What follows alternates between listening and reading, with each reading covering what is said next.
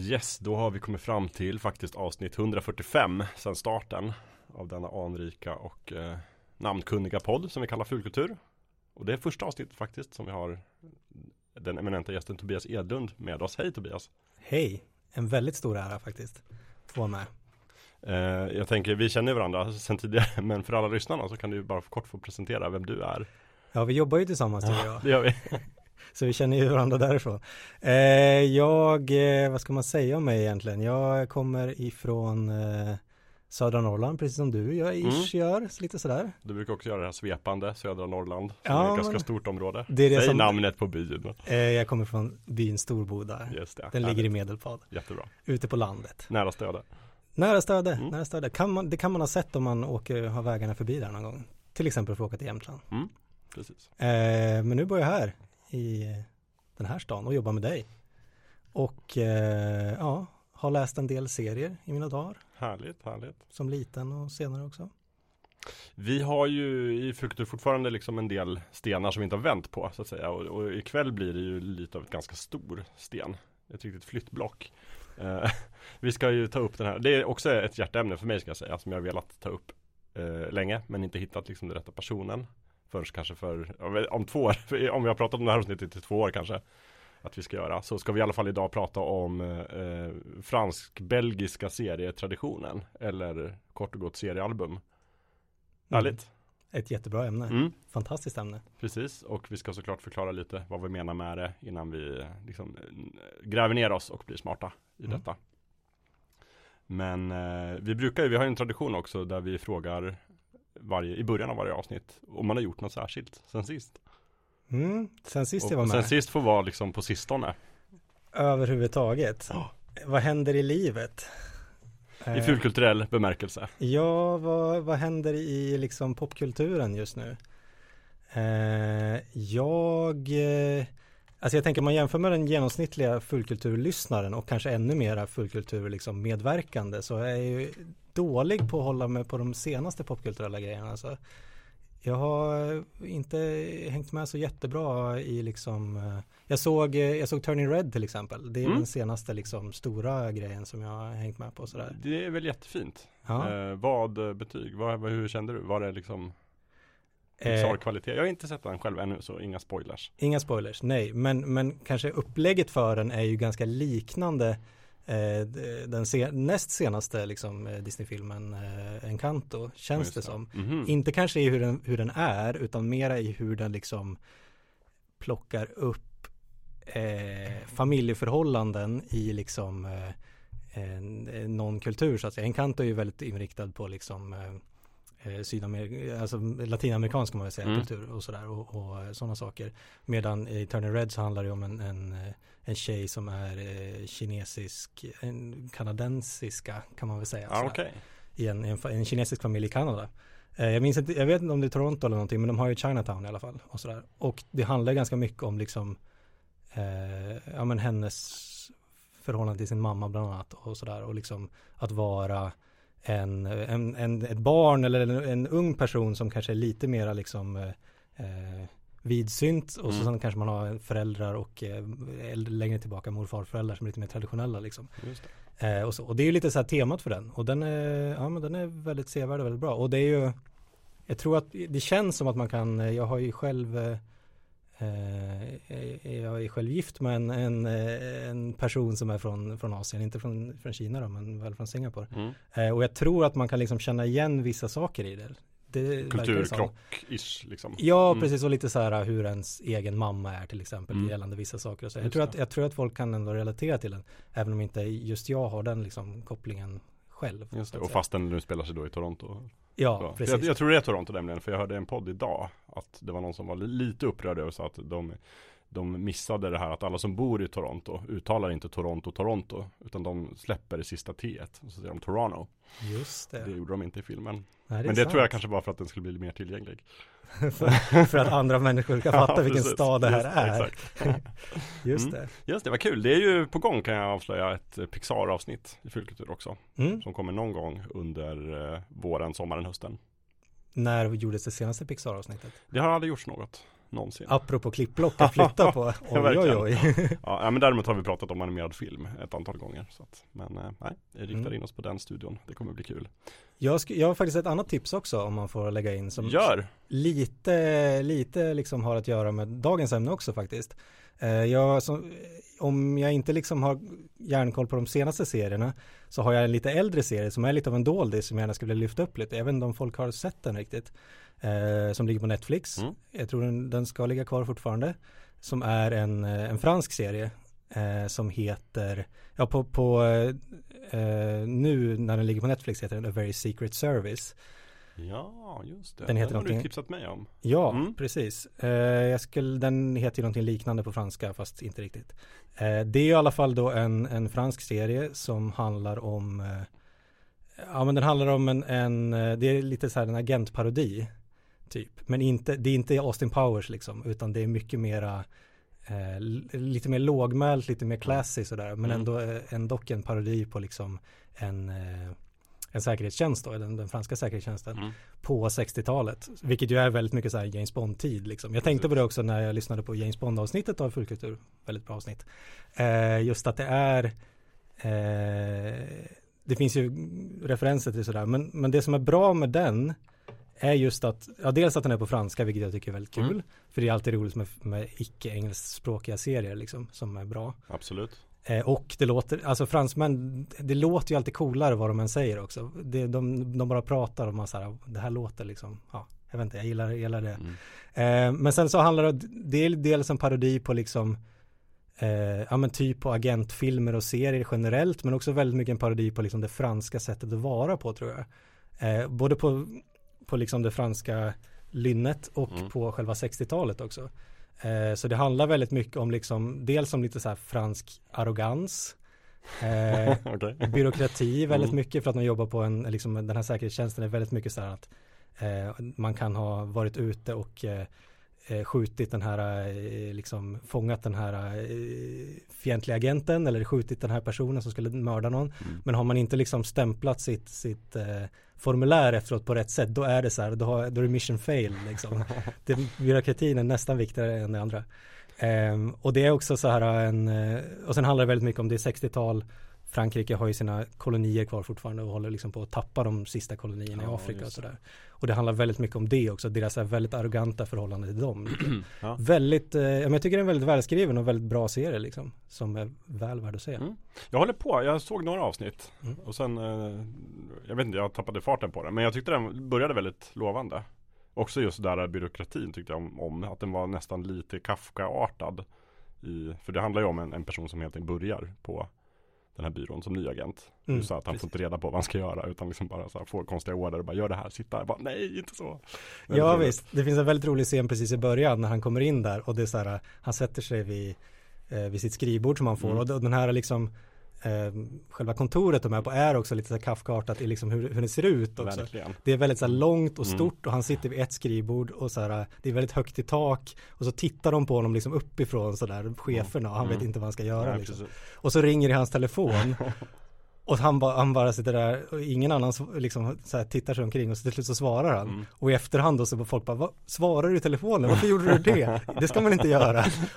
och sådär. Säg så, namnet på serien igen. Du får säga på svenska. Ja, på, Eller på engelska. A Very Secret Service heter den. Och det finns två säsonger tror jag. Um, ja, väldigt bra. Mm. Och det var skickligt du, du navigerade att inte säga den franska titeln. Ja, för det Tänk om vi skulle råka uttala någonting på franska i det här avsnittet. Det skulle Verkligen. kunna bli hemskt. Vi kommer göra några försök senare men eh, som sagt det kanske är bättre att vi avhåller oss så länge som möjligt. Ja men det finns kanske risk att vi ändå slaktar det franska uttalet eftersom att mm. vi ska prata mer på, om det landet och Ja men vi kommer nämna franska liksom personer och namn på franska magasin och titlar och sådär efter bästa förmåga. Så vi ber om ursäkt liksom på förhand till alla som kan franska eller är från Frankrike. Exakt. Förlåt så mycket. Eh, vi kommer återkomma till Frankrike som sagt. Vi kommer också nu eh, koppla till just det här Kafkaartade. Jag har nämligen också sett en tv-serie som jag skulle vilja tipsa om. Som går på Apple TV Plus. Strömmande tjänst som heter Severance. Eh, det var ju våran kollega Alessandra som var med i Sims-avsnittet som tipsade mig om denna serie. Och nu tipsar jag, er lyssnare, om den. Mycket spännande. Eh, lite sci-fi, Kafka, sådär. Eh, det är Ben Stiller som regisserar många av avsnitten Mhm. och liksom är lite grann showrunner sådär. Så det är lite, det är kanske inte direkt det man associerar honom med. Men mera kanske om man tänker den här filmen han gjorde The Secret Life of Walter Mitty. Just Om man har det. sett den så är det lite sådana scener ibland som är lite konstiga. Mm. Och, och här blommar det fullt ut. Sen är det, jag kommer inte ihåg vad manusförfattaren heter. Men det var ingen jag kände till i alla fall. Och sen så är det Adam Scott som eh, i en av huvudrollerna. Och så ser vi också Christopher Walken.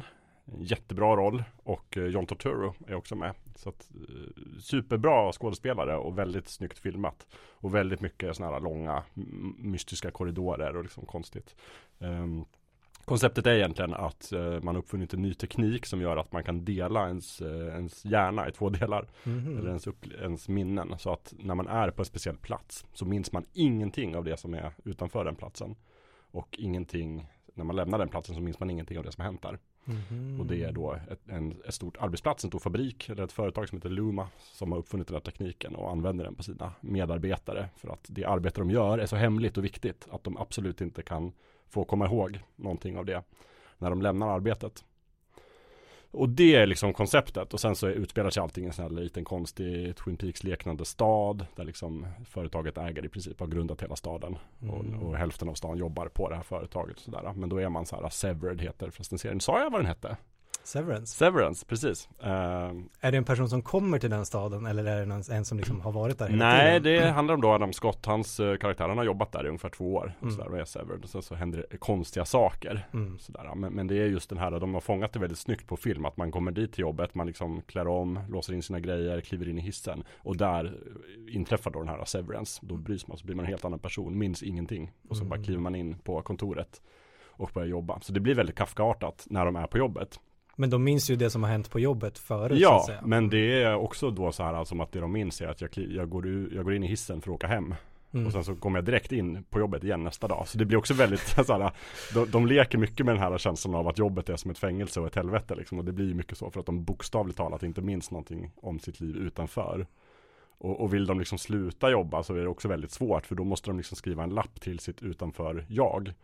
Mm. Och säga så här, jag, jag vill sluta. Och sen så hoppas de att de får det godkänt liksom. Så det blir väl, det är väldigt så här, det är ganska mörkt. Men också super, super spännande i liksom samma anda som kanske Lost och många andra sådana serier. Att det är liksom väl, väldigt hög faktor av så här eh, VTF-scener. Liksom, Mm. Vad händer? Det här är det sjukaste. Vad är det här? Va? Plötsligt händer någonting där och så tappar man bara, va? Det, vad är det här för någonting? Coolt. Så, mycket spännande, kan rekommendera. Mm. Eh, välgjord. Jättebra. Ja, Men på Mm. Apple eh, Apple TV plus, ja, Plus, precis. just det. Som är en av alla dessa strömmande tjänster. mm. Som man kan ha om man vill. Mm. Okej, men då har vi klarat av formalien. Ska vi dyka in i och presentera avsnittets ämne helt Mhm. enkelt? Det har vi redan gjort, men eh, vi ska inte prata om seriealbum och lite sådär i, tänkte vi avstamp lite grann ur personlig kontext eftersom att vi inte är experter. Men eh, det är ju någonting tror jag som både du och jag delvis delar i alla fall upplevelsen av liksom det här de här seriealbumen som eh, fanns i alla fall när vi var små och finns väl liksom fortfarande i viss mån men eh, Mm. som ju är verkligen då en, en europeisk eller liksom kontinental tradition framförallt liksom Frankrike och Belgien Mm. eh, där serier har en mycket mycket starkare ställning kanske än i Sverige och där liksom många av skaparna är ganska ansedda och liksom populära och det är liksom verkligen många vuxna som läser seriealbum eller böcker då egentligen är det ju där Mm. för där är liksom serierna ofta inbundna i ganska stora volymer och säljs i liksom bokhandlar och går dessutom i speciella seriemagasin av vilka det finns jättemånga och också i liksom dagspress såklart Mm. också. Ja, precis. Mm. Och det här med, med just albumen var väl en sån grej som verkar ha flyttat över liksom till den svenska och nordiska marknaden också. Just att, att eh, ja men ännu mer här egentligen, många av de här serierna vi tar upp Mm. kanske inte liksom gick i dagspress riktigt eller ens i liksom Nej. magasin i Sverige utan Nej. det var just i de här lite, lite tjockare stora albumen liksom Mm. som man, man fick tag i dem. Verkligen, och det var ju det som kanske började tilltala mig lite, eller man kanske fick något sådär. Man kunde ju kanske få ett sånt album till jul. Eller så hade man en storebror eller någonting som hade dem. Eller sådär, men de dök upp i ens liv i alla fall så. Mm. Och det var väl just det som tilltalade mig. Alltså, det var uppenbarligen att det var liksom lite finare litteratur än de här serietidningarna som var kanske liksom Spindelmannen eller Serieparaden eller någonting som man köpte i kioskerna. Mm, ja, precis. Ja, och skillnaden mellan liksom den den här, eh, om man ska kalla den fransk-belgiska eller den europeiska liksom traditionen. Mm. Och det gör vi ju. Ja, det är klart vi gör. Vi, vi, kallar den det. Det är klart vi gör. Eh, mot, alltså det känns som att det också ställs ganska mycket mot amerikanska i liksom, ja, dels när man läser om det och mm. även att de själva gjorde det också, förhöll sig ganska mycket till den amerikanska liksom, traditionen mm. av serier. Och, och och även amerikanerna tror jag ser det också så att det, att det är någonting annat än deras egna serier. Liksom. Mm. Ja, verkligen. Och därför är det lite kanske på ett sätt lite delat. Att dels har ju många, eller har jag läst mig till, många liksom i Frankrike och Belgien var ju en, en stor del av dem var att de gärna ville slå liksom i USA. För mm. att det är en stor marknad och sådär. Och att mycket kanske om vi, när vi kommer in lite på liksom tecknade filmer på de här albumen och sådär. Mycket av det handlade om att liksom tilltala en amerikansk publik. Eh, medans kanske bland, vad ska man säga, seriekonnässörer i USA så står den liksom europeiska serierna väldigt högt. Mm. Och är liksom ansedda och liksom lite mer sofistikerade än liksom deras egna barbariska superhjälteserier sådär. Ja men eller hur, och jag, jag läste faktiskt om det att, att, äh, att någon, det var en, eller jag tror det var en litteraturkritiker eh, som jag inte har namnet på, som lanserade just att serierna i Frankrike då, mm. eller, att serierna är den nionde konstformen, kallar man det för. Mm. De andra konstformerna då, lite snabbt, ja. är ju då arkitektur, yes, skulptur, mm. målning, ja. musik, ja. dans, poesi, film, television kommer in precis innan. Som åtta. Den och sen, åttonde konstformen och sen, och sen nummer nionde. Så det är ju ett, liksom ett celebert sällskap det här verkligen. Mm. Det måste vara en fransk eh, litteraturkritiker eller som Ja precis, jag har inte namnet på honom men jag Nej. vet att, att själva liksom det här eh, sättet att se på det populariserades ännu mera mm. i tidningen Spiro tror jag att det var, ja. en artikelserie de Just körde det. där eh, som ju var lite mer en, en liksom en, ja men ett sätt att liksom tänk, tänka och prata om serier liksom mm. så att säga och den artikelserien gjordes av en av av de författarna vi ska prata om och författarna och tecknarna, nämligen Morris. Okay, Så det var liksom han som populariserade det här sättet att se på det egentligen. Ja. Men det känns också något som någonting väldigt, väldigt franskt och liksom dels dela in liksom kultur i åtta eller nio block och sen också naturligtvis lägga till liksom serier som ett block. Men det är väl härligt. Ja men precis och att det just är, att jag tror att det är så att i USA så ses, eller åtminstone på den tiden sågs eh, de här serierna lite som vad amerikanerna då kallar för graphic novels. Mm. Att i USA så finns det i liksom eh, uttrycket comics mm. eller, eller i funnies ännu mm. mer kanske som man kallar dagspresserierna. Mm. Att det just ska vara liksom fokus på att det är roligt eller liksom lustigt och sådär. Mm. Eh, och kanske lite mer så här vardagsskildringar eller några sådana saker. Lite mera typ Blondie eller, eller liksom Gus, katten Gustav mm. eller något sånt där. Precis. Eller kanske då Marvel liksom och superhjältar. Ja. Och då så ser man på dem, då ser man lite de, de franska och belgiska serierna som så här att de är lite mera Nej men att de är graphic novels, då är man lite mer så här litterär mm. liksom. Att det, även de ser det som att, ja som du säger, lite så här, det är lite, lite mer sofistikerat. Mm. Och än en gång så har då fransmännen lyckats leverera någonting som är mer sofistikerat än amerikanerna. Väldigt on-brand. Mm, precis. För jag har för mig, det här är lite, det här tar jag någonstans ifrån i minnet, men, men jag har fått för mig att liksom graphic novel, den termen, lanserades lite liksom Då fanns ju redan liksom europeiska seriealbum och sådär. Men man lanserade den i USA för att liksom Försöka höja statusen lite grann. När man började just samla så här Alltså det kanske var lösnummerserier men man samlade dem I inbundna böcker Eller gjorde liksom eh, Miniserier som där planen var från början att man skulle ge ut dem i en inbunden bok. Mm. Alltså typ Watchmen och sådär är ett bra exempel Eller eh, Maus till exempel. Mm. Också. Och att man just det, men vi, vi, kan inte kalla det serier för då kommer folk inte, då kommer bokhandlarna inte ta in det utan vi, vi kallar det för graphic novels. Precis. Men i Frankrike och Europa höll man inte göra det. Eller hur, där såg man värdet redan från början. Ja, precis. Eller jag är egentligen, ska jag säga, osäker på just så här historiskt varför just Frankrike, Belgien och liksom utifrån efter det då kanske övriga Europa är så inne på just serier. Eh, lika lite som jag inne på, vet hur liksom Japan är inne på serier, för de har ju sin serietradition. Mm. Men om jag skulle gissa så känns det som att Tintin är liksom om inte liksom den som satte igång alltihopa så i alla fall liksom en av föregångarna.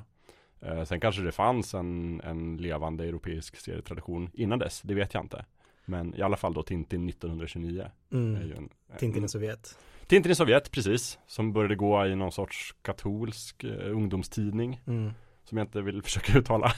Nej, precis. Den, den betyder tydligen det 20 århundradet, den ja, riktiga tidningen. Okej, okay, precis. Och den här tidningen som Tintin gick är ju Le Petit, eh, alltså den barnvarianten. Ja, ja, precis, just det. Den lilla framtidstidningen eller någonting där. Ja, men mm. eller hur. Eh, eh, och ja, precis. Och den var ju ganska som sagt katolsk och ganska traditionell och mm. det influerade ju eh, liksom vad man kunde göra i den också så att säga. När Hergé som vi väl ska säga kanske att han heter. Ja, Hergé säger vi. Ja, och så precis. får det vara, vara, det får vara så. om det är rätt eller fel. Men, mm. men, men, precis, han började där och var ganska hårt hållen och sen så blev den väldigt populär och jada jada jada bildade en egen tidning som heter eh, Tintin-magasinet eller Le Journal de Tintin mm. kanske. Och även då utifrån efter det när äventyren var avslutade så gavs de ut i böcker eller album. Mm. Och sen när de sen kom till Sverige var väl, då var de ju redan, då fanns det ju redan det här i Europa. Jag, jag kommer inte ihåg nu riktigt när första Tintin började ges ut i Sverige. Men eh, det var på 50-talet någon mm. gång i alla fall. Och då var det ju redan, det var ju redan väldigt stor Tintin. Eller hur? Mm. Och jo men som du säger, alltså Tintin är ju liksom den stora giganten, monoliten här mm. så att säga. Eh, och det är ju lite spännande just det att den, att den har hållit, den gjordes fram till 76, eh, Tintin och Gerillan, sista. Mm. Förutom sådana här lite mer så här strögrejer som har kommit efteråt. Det har väl kommit ett par så här lite så här den ofullbordade som har lagts Just det, precis. Det som, den som idag kallas Tintin Alfa-konsten. Just det, som... men, men det är ju Gerillan som är den, den sista liksom.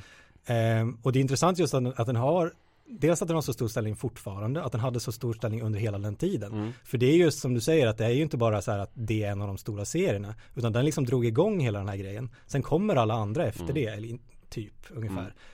Mm. Men den, Tintin finns alltid där i bakgrunden liksom, och är den här, det är ju kanske inte liksom så att, den, att alla måste liksom vara Tintin på det sättet eller ha den typen av äventyr. Men det är ändå någon sorts arketyp för allting annat känns det som att det blir ändå.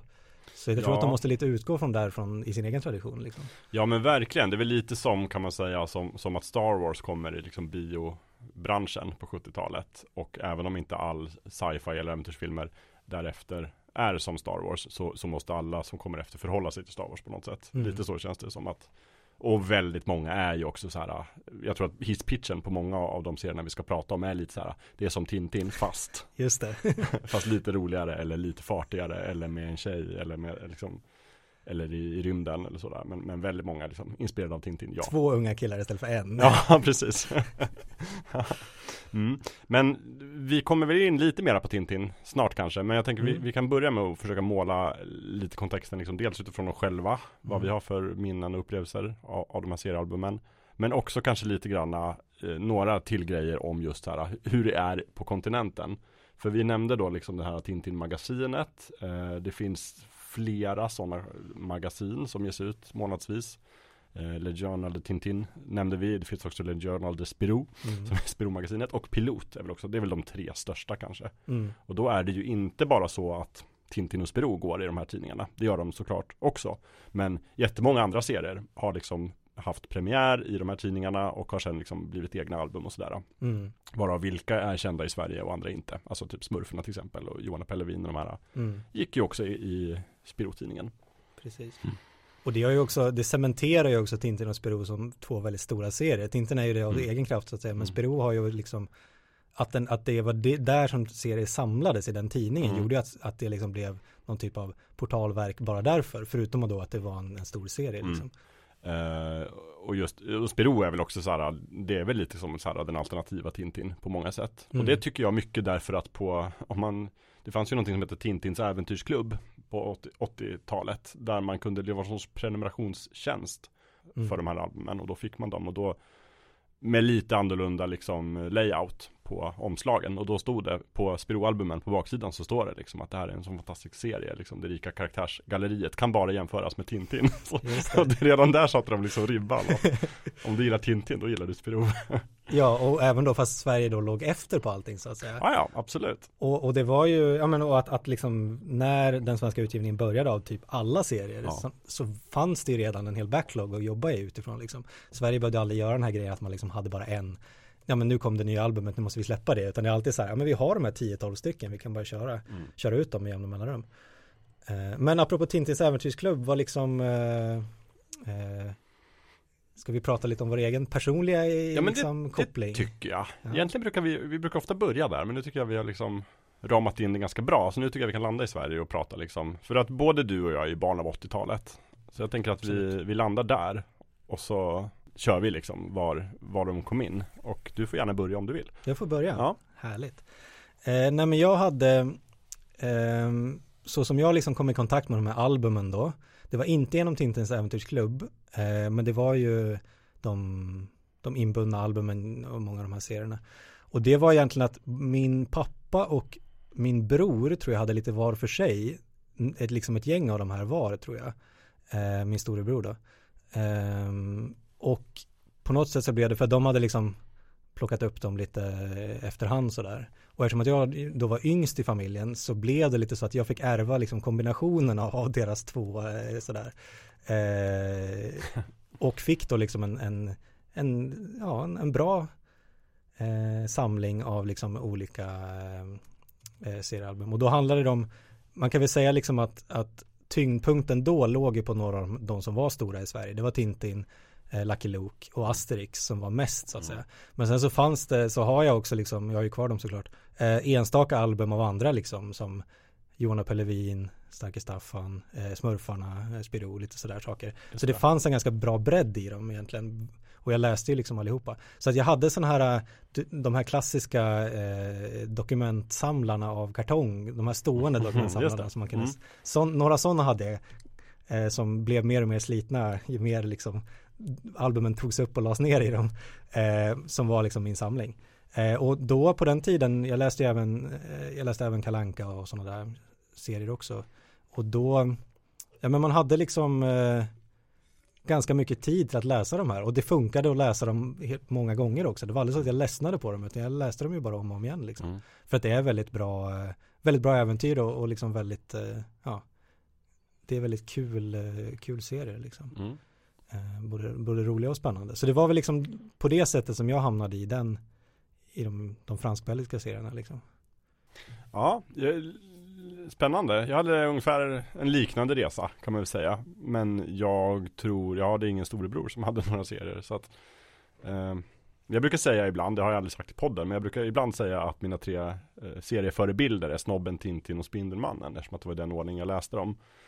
Som var liksom de tre stora för mig. Men eh, Snobben började läsa genom att min pappa eh, samlade mycket på Snobben-grejer.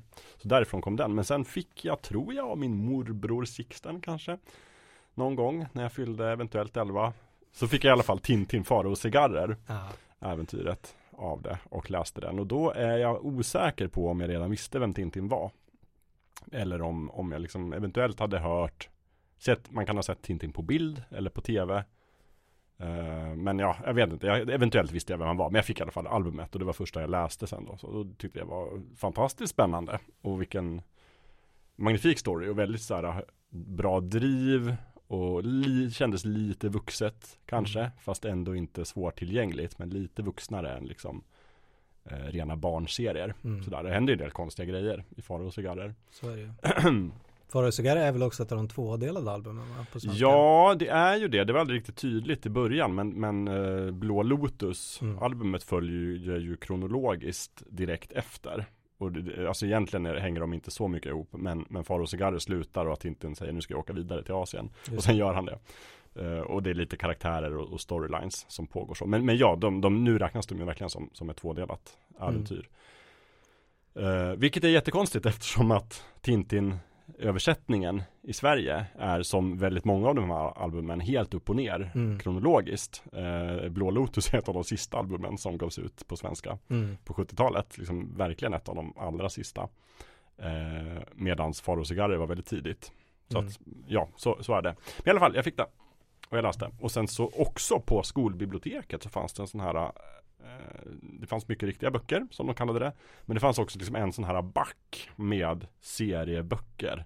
Som var då, du vet hur biblioteket liksom gör, skapar hårda pärmar Mm. med någon, någon konstig metod. De klassiska inbindningarna. Ja, precis. Jag vet inte hur de gör det. Det skulle vara kul att få reda på, men du kanske vet. Ja, precis. Och de här lite så här bruna, de blev ju Mm. väldigt sladdriga liksom, de här bokryggarna efter ett tag också. Men Ja men precis, de liksom binder in böckerna bara för att de ska hålla, inte för att det ska vara fint eller liksom nej, bara för att de här vårdslösa skolbarnen inte ska förstöra böckerna. Ja. Så att, uh, seriealbum med mjuka pärmar blev då liksom inbundna biblioteksböcker med hårda pärmar och där fanns det ju då Lucky Luke, eh, Tintin, Indianen Yakari fanns och lite blandat sådär och där började jag väl liksom då också låna lite Tintin och lite Lite sådana. Det var inget jättestort utbud ska jag säga men, men det fanns en del. Jag tyckte den var väldigt kul och drogs kanske framför allt till Alltså teckningarna, liksom Mm. bilderna som jag tyckte var liksom Wow, vad snygga de är liksom. Och återigen då kanske jämfört med liksom Dagstidningsserierna, liksom Snobben och Katte Gustav och sådär som tecknade en helt annan stil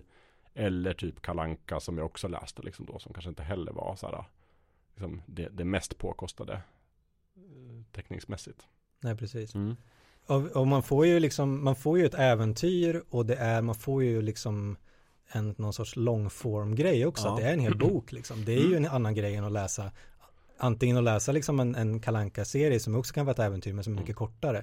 Ja, verkligen. Och, och de är ju ett, ett sånt här seriealbum är typiskt 48 sidor, Mm. vilket är väldigt lagom kanske för en, en 12-13-åring. Eh, och som sagt, det är ganska ovanligt just nu. Tintin har ju några sådana liksom följetonger, men oftast är det liksom ett avslutat äventyr. Ett album, ett äventyr. Därför Mm. att det är så då det har gått i de här eh, europeiska magasinen. De avslutar ett äventyr och sen så binder de ihop det till ett album Mm. och ger ut. Precis. Jag, jag tänkte på en sak för att i min samling liksom, jag, jag skaffade ju inte liksom, alltså jag köpte inte några nya sådana här egentligen. Jag hade ju de som, som var liksom, de, de som var min samling. Och de var ju mycket, när jag har kollat på dem nu efteråt, det var ju mycket från tidiga 80-talet liksom. Eh, som, som de gavs ut. Och i vissa av dem är också då liksom nyversioner som gavs ut på 80-talet från Mm. samma album som kom tidigare då, liksom Just på 60-talet kanske och sådär.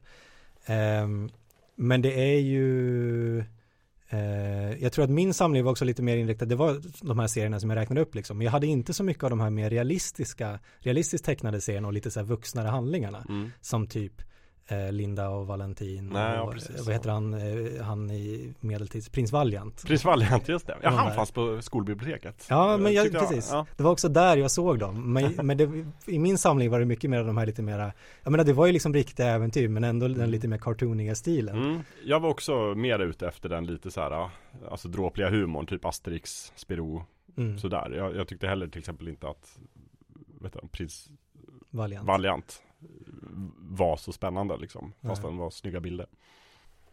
det är ju en, en, liksom en, en genomgående grej också med de här serierna just att, att själva vi kan ju prata lite om att det finns olika stilar för dem, eh, för liksom hur de teckningarna görs. Men det är ju ofta så att det, det är många av dem som har väldigt så här välgjorda bakgrunder, väldigt liksom, ja, men det är väldigt snyggt upplagt i rutorna så att Mm. säga. Att det känns väldigt påkostat i, i många av de här stora serierna liksom.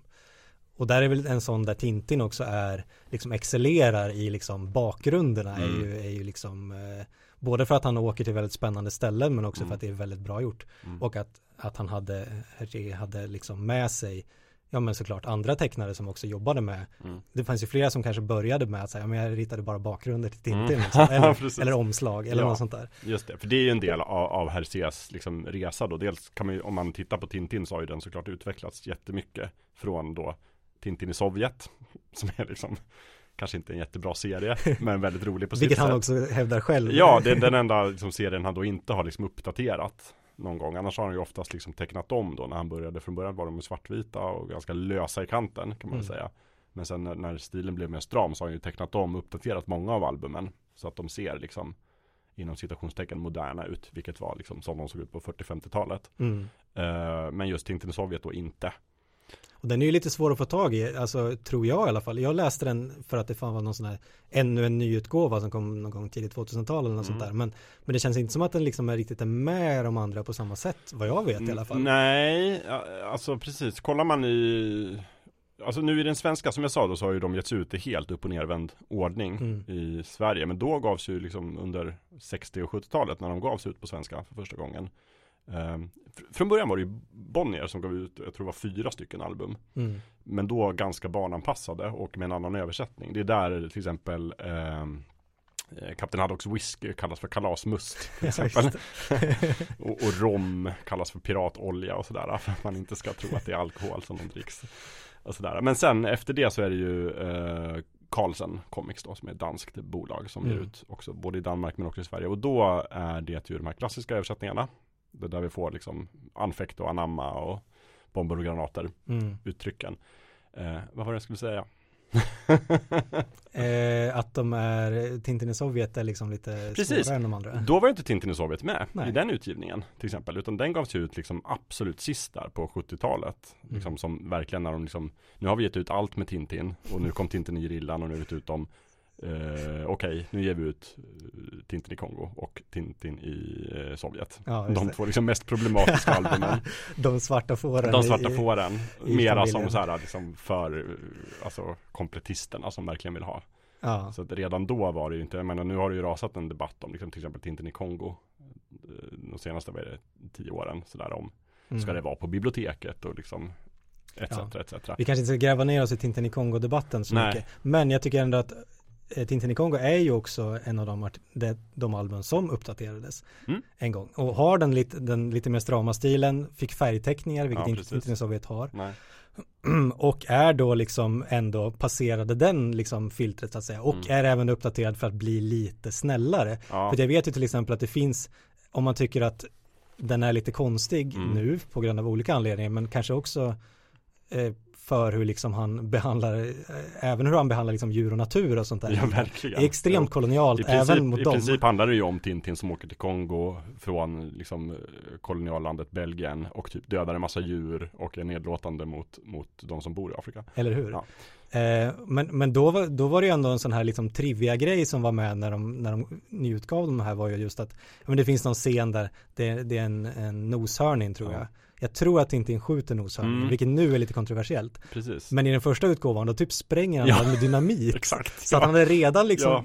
gjort den lite snällare en gång redan. Precis, ja, jo, men precis, Tintin Kongo, dels tecknades den ju om där och sen så, jag tror också innehållet ändrades liksom lite senare där på 70-talet. Typ, bland annat så är det ju också någon scen där Tintin träffar eh, en massa barn i Kongo och Mm. sen så typ har han skola med dem Mm. för att de är så, de kan ju ingenting etc. etc. Sådär. Och så då berätt, i första utgåvan så berättar han om Belgien för dem.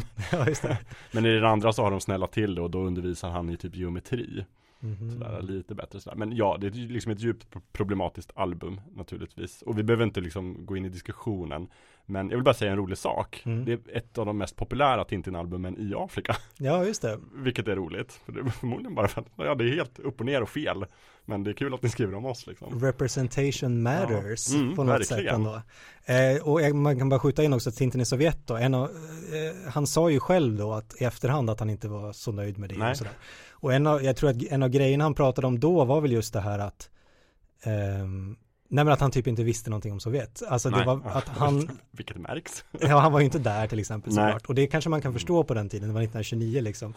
Eh, men, eh, men det var också väldigt mycket att han så frågade bara folk på hans katolska tidning typ så här, vad, vad är grejen med Sovjet? Och Ja. de bara så här, så här är det i Sovjet. Precis.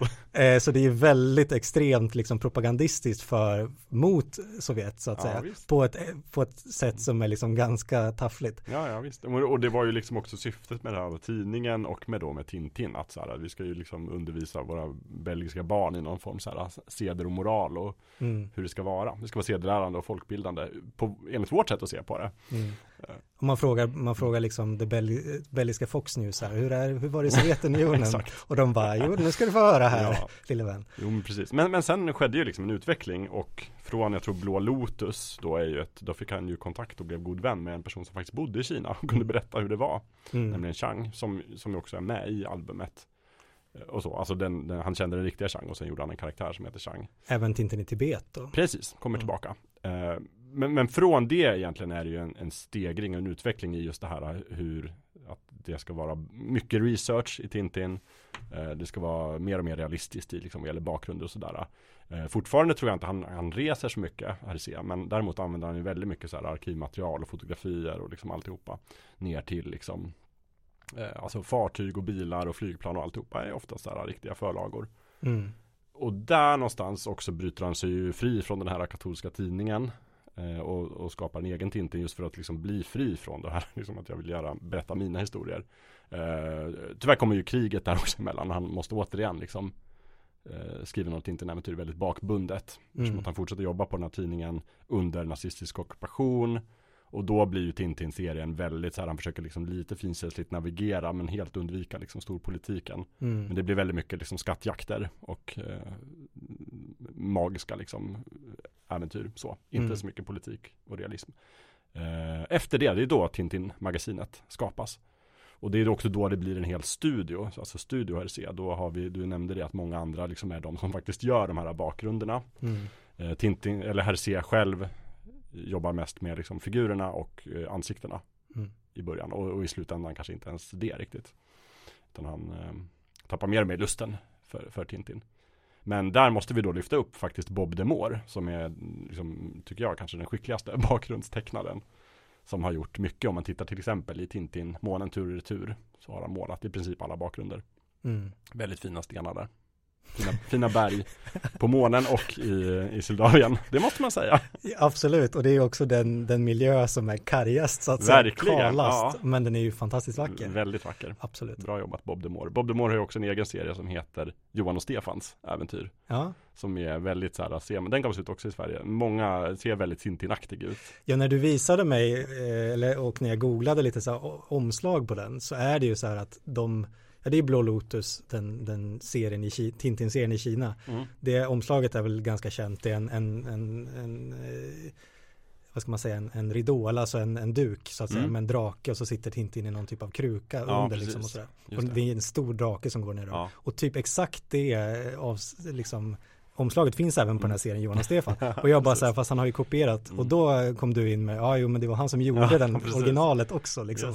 Han har Eller- tagit sin gamla. Precis, eller åtminstone så var han nog den som var med när de uppdaterade Blå Mm. Lotus och gjorde liksom så här, typ Hercé sa, nu måste vi uppdatera Blå Lotus, den känns ju lite gammal. Bara Bob, kan du göra det? Ja, just det. Jag måste tänka på nästa Tintin-äventyr. Och Just Bob det. gjorde det, för att Bob var tydligen en sån här riktig lagspelare. Han brydde sig inte så mycket om att få eh, egen credit. Vilket han inte fick då på, på Studio Hercé.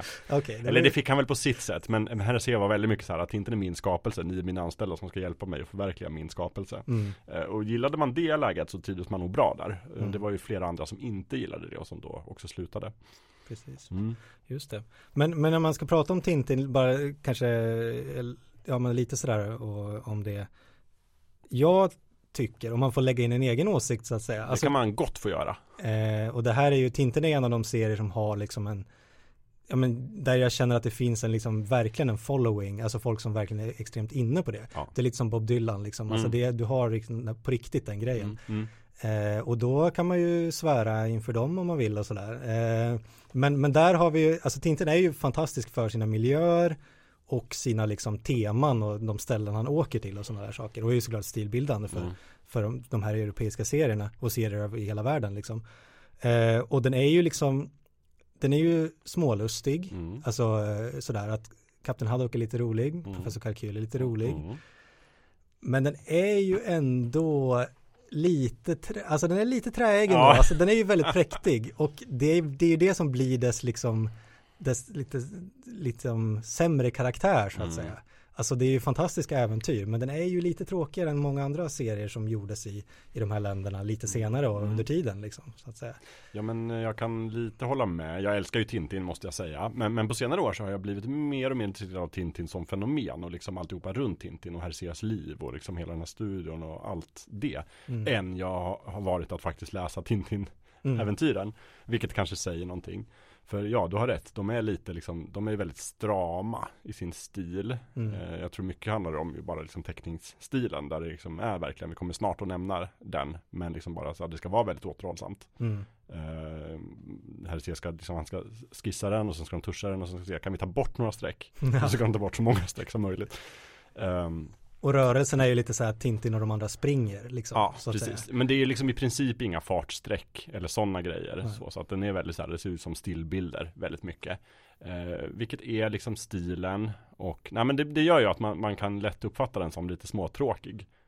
Eller träig. Men också just att den är väldigt präktig så på det sättet. Eh, och mycket av de här andra serierna som vi kommer nämna var väl kanske lite en reaktion på det. Mm. Så här, att det ska vara lite mer, men alltså vi kan väl ha med någon kvinna till exempel. några, kanske några sa. Ja, Tintin fast. Ja. Alltså. Men det är väl ganska i och för sig genomgående för många av de här exemplen vi kommer lyfta upp. Att så här, hittar vi liksom en eller två kvinnliga karaktärer i serierna så får vi vara nöjda. Vilket är lite tråkigt. Och det, jag vet att det har hänt liksom en viss utveckling de senare åren där. Men, men i de här liksom, vad man ska kalla kanske klassiska verken så finns det inte mycket kvinnor helt enkelt, vilket är trist. Men Mm. så, det finns i princip en i varje serie liksom. Och Tintin då så är det Bianca Castafiore som är operasångare. Som ju kommer in, ja men ändå lite mot, lite på, i den senare delen så att säga och är också kanske inte liksom your average huvudperson. Nej, nej verkligen Hon är ju väldigt, inne för att vara en karaktär så att säga, vara på ett visst sätt. Så att säga. Absolut. Eh, Men, men det finns en, en smurfan så att säga i, i varje serie. Ja, precis, men inte mer än en. Nej. Eh, Ska vi gå vidare och prata om en annan serie?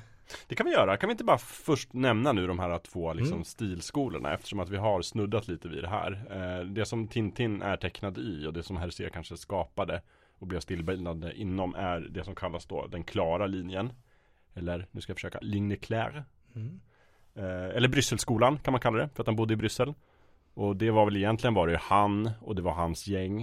Eh, det var Bob DeMoar Och det var lite andra folk som jobbade på liksom Tintin-magasinet. Som, som följde den här. Och sen, finns- sen är det en skala naturligtvis. Men det är liksom idealformen om man ska säga det. Liksom att det är en det ska tecknas enligt en schematisk tydlighet. Som sagt, det ska vara så lite streck som möjligt egentligen.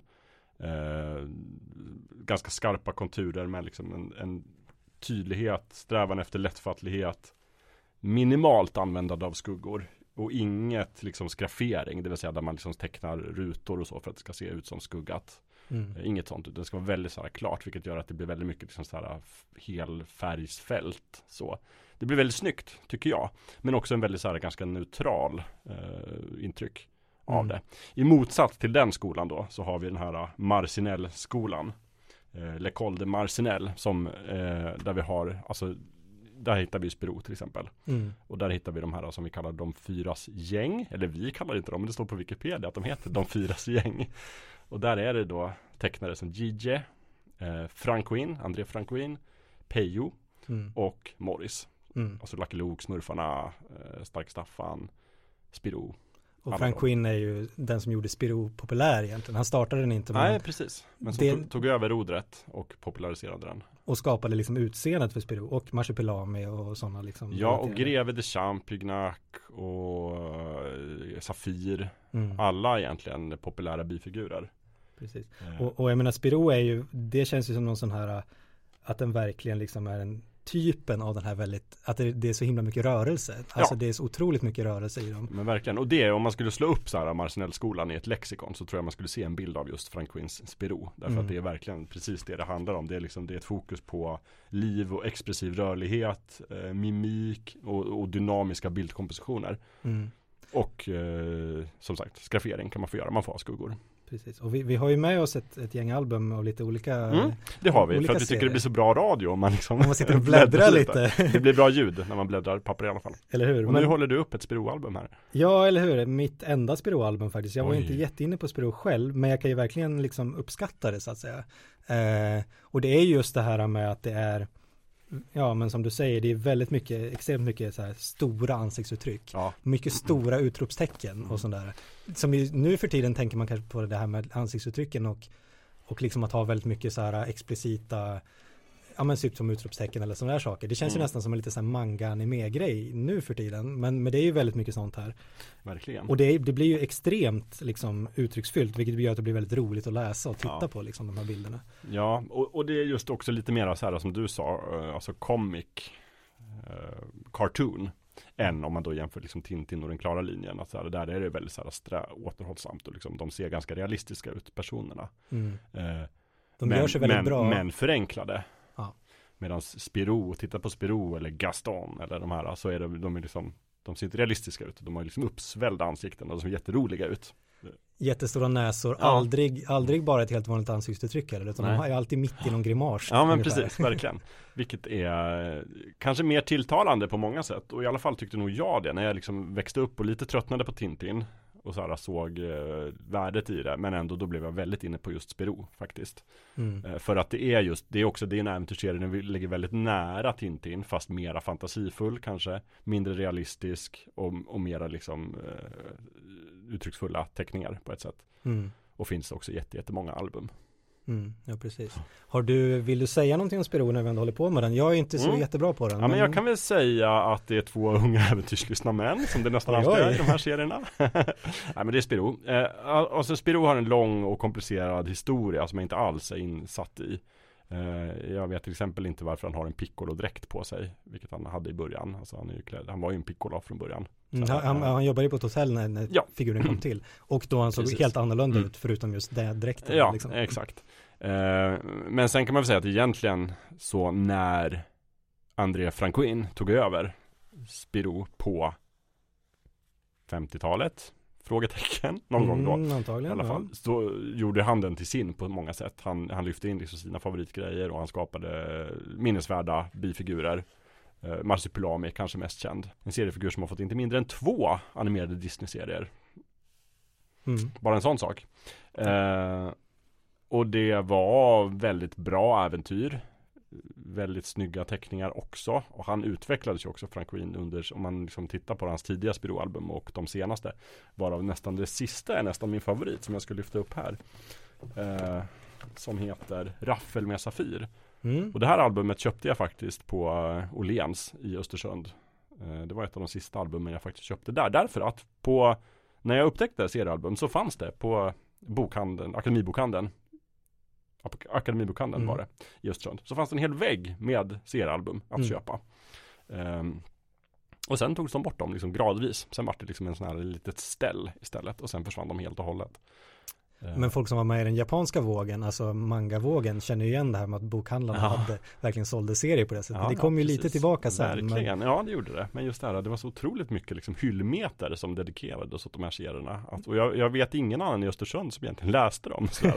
Jag har en persons storebror som också är med i Tintins äventyrsklubb som fick en del. Jag kan också säga det, att jag var inte med i Tintins äventyrsklubb direkt. Eh, Jag gick med en gång för att jag ville ha en premie som var typ en eh, Lucky Lukes västernstad som man kunde liksom i papper som man kunde klippa ihop och, och limma mm. och leka med. Och den premien ville jag ha så då gick jag med och då fick jag tre Lucky Luke-album och två Tintin-album. Och sen hade jag inte råd att vara med så då gick jag ur också. Men premierna funkar ju. Det, Ja de funkade absolut, oh ja, jag gjorde det. Men så, jag hade gärna varit med men jag hade liksom inte, jag, jag vet inte, jag hade heller inte mycket serier därför. För att de var rätt dyra att köpa. Mm. Men utan det är mest på senare år, efter jag har fyllt 20 och sådär, som jag har liksom samlat på mig. Eh, försöker köpa mycket på Tradera och sådär. Mm. Mm. Ja, men hur som helst. Eh, Raffel med Safir, väldigt bra. Det är Frank Quins sista album. Väldigt, väldigt bra. Väldigt fartigt. Ehm, alla kända inslag finns med. Marsupilami, Ekorrens pip, Greve Champignac, Safir, eh, bilar, fart och fläkt. Mm. Jätteroligt. Ehm, sen efter det så tröttnade han ju på Spiro och tyckte jag vill hellre jobba med mina karaktärer. Och då tog han ju några av karaktärerna. Bland annat så startade han ju en spin-off-serie med Marsupilami. Mm. Eh, som han sen också var det som, då står han som producent på de albumen. Fast det är andra som har tecknat och liksom gjort manus och sådär. Eh, och sen gjorde han ju också Gaston då. Som är hans, liksom en av hans egna favoritskapelser. Som är liksom egentligen, jobbar på Spiros redaktionen. Mm. Men ställer till ofog. Ja, Är väl, kan man väl ändå beskriva det som. jag, alltså jag gillar ju av de här liksom lite mindre serierna, åtminstone i Sverige, så Mm. är ju, alltså man, jag gillar ju verkligen Gaston för att den är så, dels för att de har den här meta-varianten liksom. Det är lite så här som när författare ska skriva om livet i förlagsvärlden.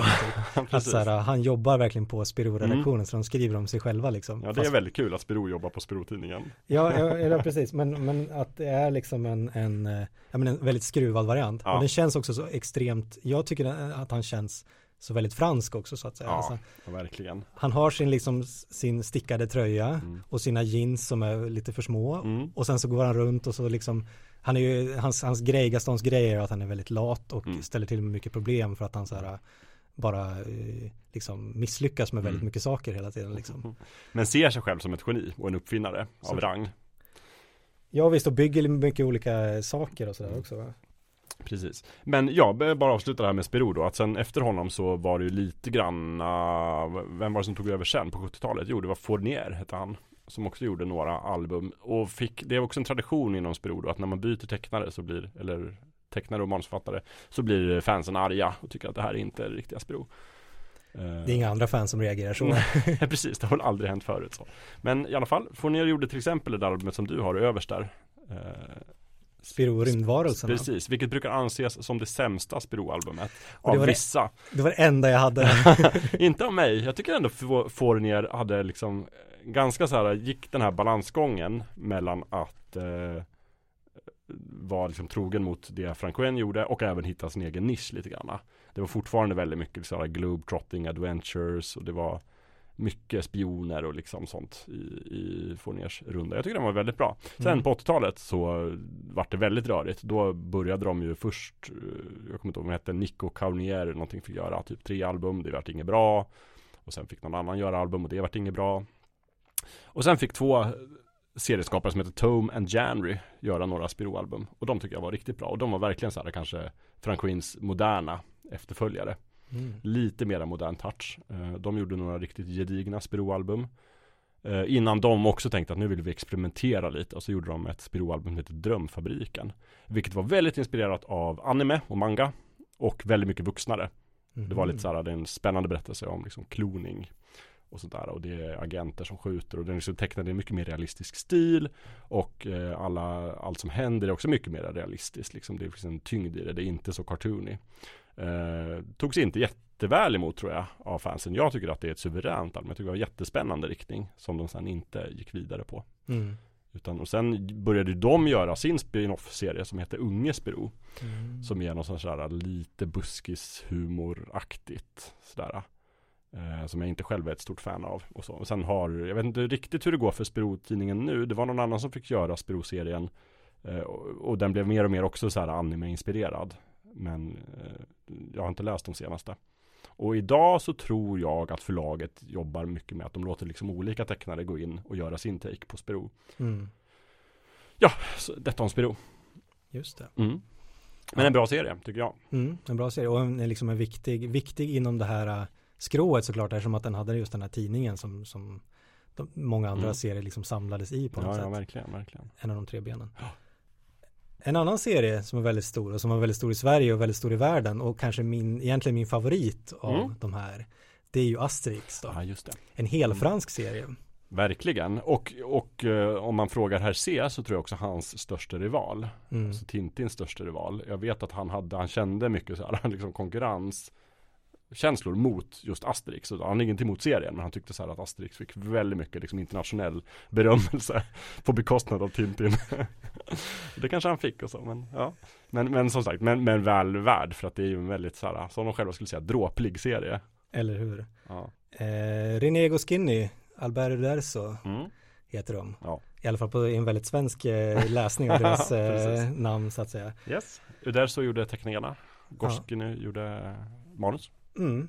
Och började ges ut 59, vilket Mm. de är lite så här lite mitt i på något sätt, kanske på lite på den tidiga halvan ändå, men det, Mm. det var ju många av de här serierna som kom till antingen precis innan kriget Mm. eller, eller precis efter. Ja. Kriget var ju, en, eh, andra världskriget var ju en väldigt stor grej för alla de här eh, serieskaparna just Mm. för att det var de som hade serier igång och de som jobbade innan dess var ju väldigt mycket att man kanske inte fick, tid, vissa tidningar kanske stängdes eller så fick de fortsätta göra sina serier men då blev de istället i efterhand anklagade för att vara så medlöpare med Ja, ja tyskarna. precis. Ja, Som hände med Hergé till ja exempel. visst, verkligen. Ehm, så det blev ju väldigt mycket så här, typ en liten paus Mm. och sen så kom de ut efter kriget och startade upp en massa nya tidningar Mm. och verkligen kom igång igen så att säga. precis. Men det var ju liksom närvarande för alla de här eftersom de rör sig mellan liksom ja, 30-talet och sju- 70-talet eller 80 liksom är liksom det mesta som händer Mm. Men då är ju, då är ju Ast, Ast, eh, Asterix, men jag säger ju Asterix då. Mm. Eh, 59 lägger, lägger sig liksom lite mitt i där så att säga. Mm. Eh, med de här två fransmännen som, som liksom hittade varandra för att de jobbade på eh, jag minns inte om de var på en tidning eller ett förlag de jobbade tillsammans men de, de blev lite så här ihoptussade i alla fall Mm. de här två och eh, skapade ju det här eh, som jag tycker är den av de här fransk-belgiska serierna den, den allra bästa Mm. Och som är såklart väldigt populär också. Mm. Ja, omåttligt populär och har också blivit liksom filmer såklart och leksaker och spel Mm. och alltihopa. Eh, verkligen. Jag gillar också Asterix jättemycket.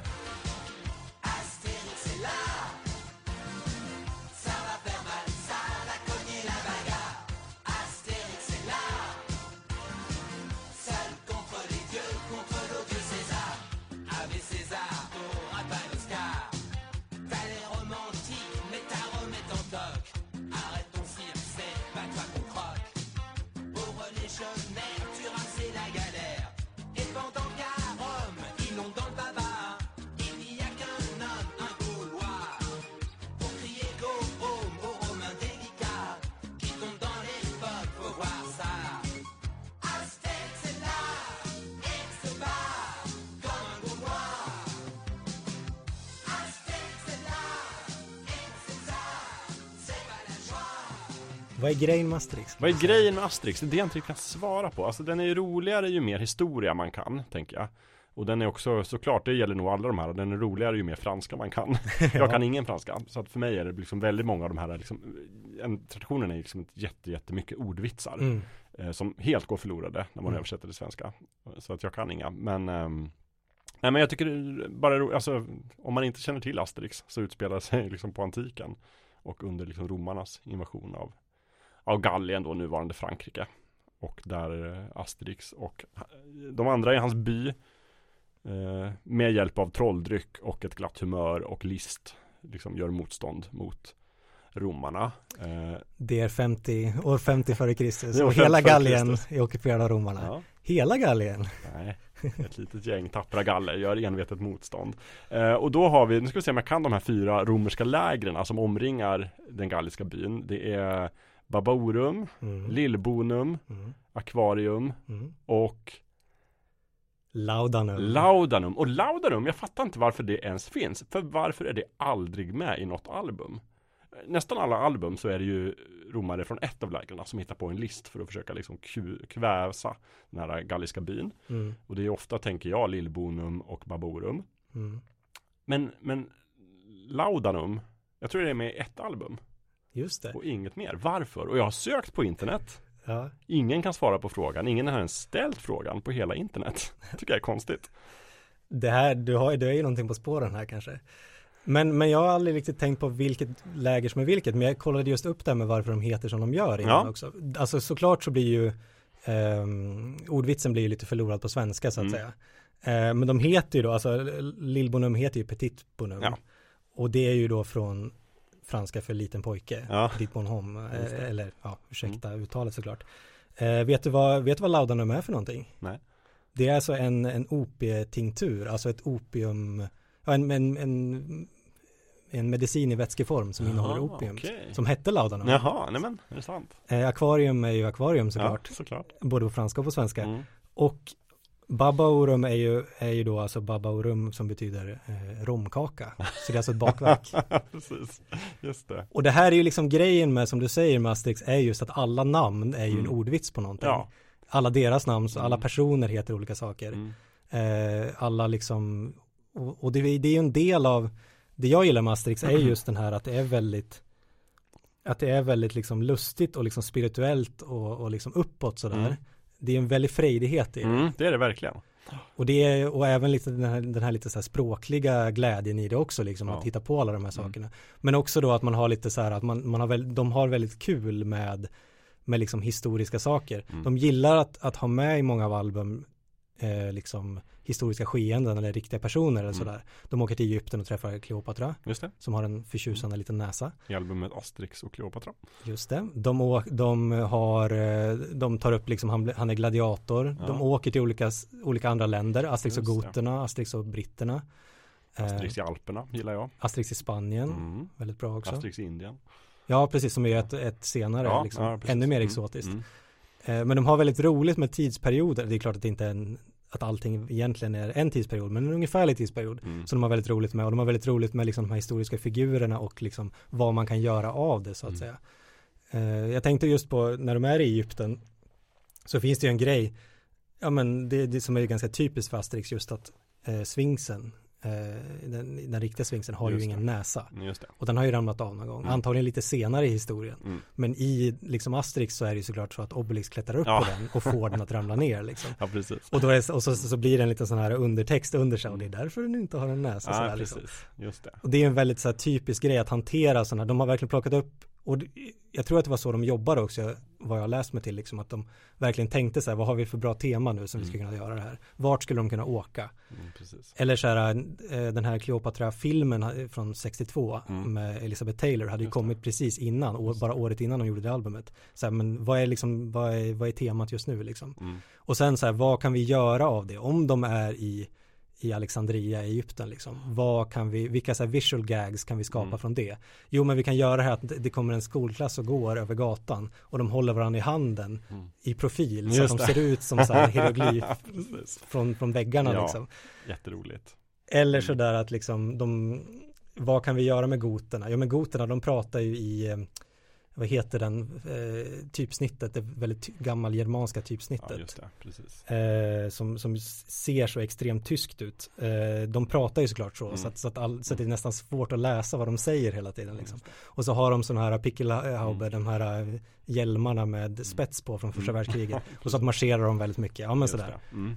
Eh. Bygger mycket på liksom stereotyper eller nästan nidbilder av olika kulturer. Och det blir okej därför att det är anti- under antiken. Mm. På något sätt. Alla som skulle kunna bli offended är döda. Ja, och också år. för att de är lite så här glada. Ja men liksom, exakt. eh, Ja precis. Och Ja. det verkar ju också som att, som att Uderzo och Goscinny var ju väldigt så här frejdiga personer känns det som. Att Mm. de hade väldigt roligt när de gjorde det här liksom. Och de satt med och de pratade väldigt mycket om så hur mycket öl de dricker hela tiden. Det verkar vara deras grej. Men att de, och att de bara satt och spånade fram så här, vad kan vi göra av det här roliga temat liksom. Mm. Nu kör vi, vad kan, vad kan Asterix Obelix Mm. göra liksom. Ja men precis, verkligen, jag håller med. Där, där liksom Hercé, om man läser hans biografier så verkar han ju ha liksom lidit väldigt mycket av liksom depression och liksom olika känslor av uppgivenhet och liksom en ångest som var stigande inför Tintin och liksom mardrömmar och svårt att sova och problem med händerna och liksom allt och en, en, jobbig relation och liksom alltihopa. Eh, helt motsatsen får man ju känslan av här då av, av Uderzo och, och Goscinny att de verkar ha haft jättekul bara liksom bara varit glada lirare. Ja, precis. Mm.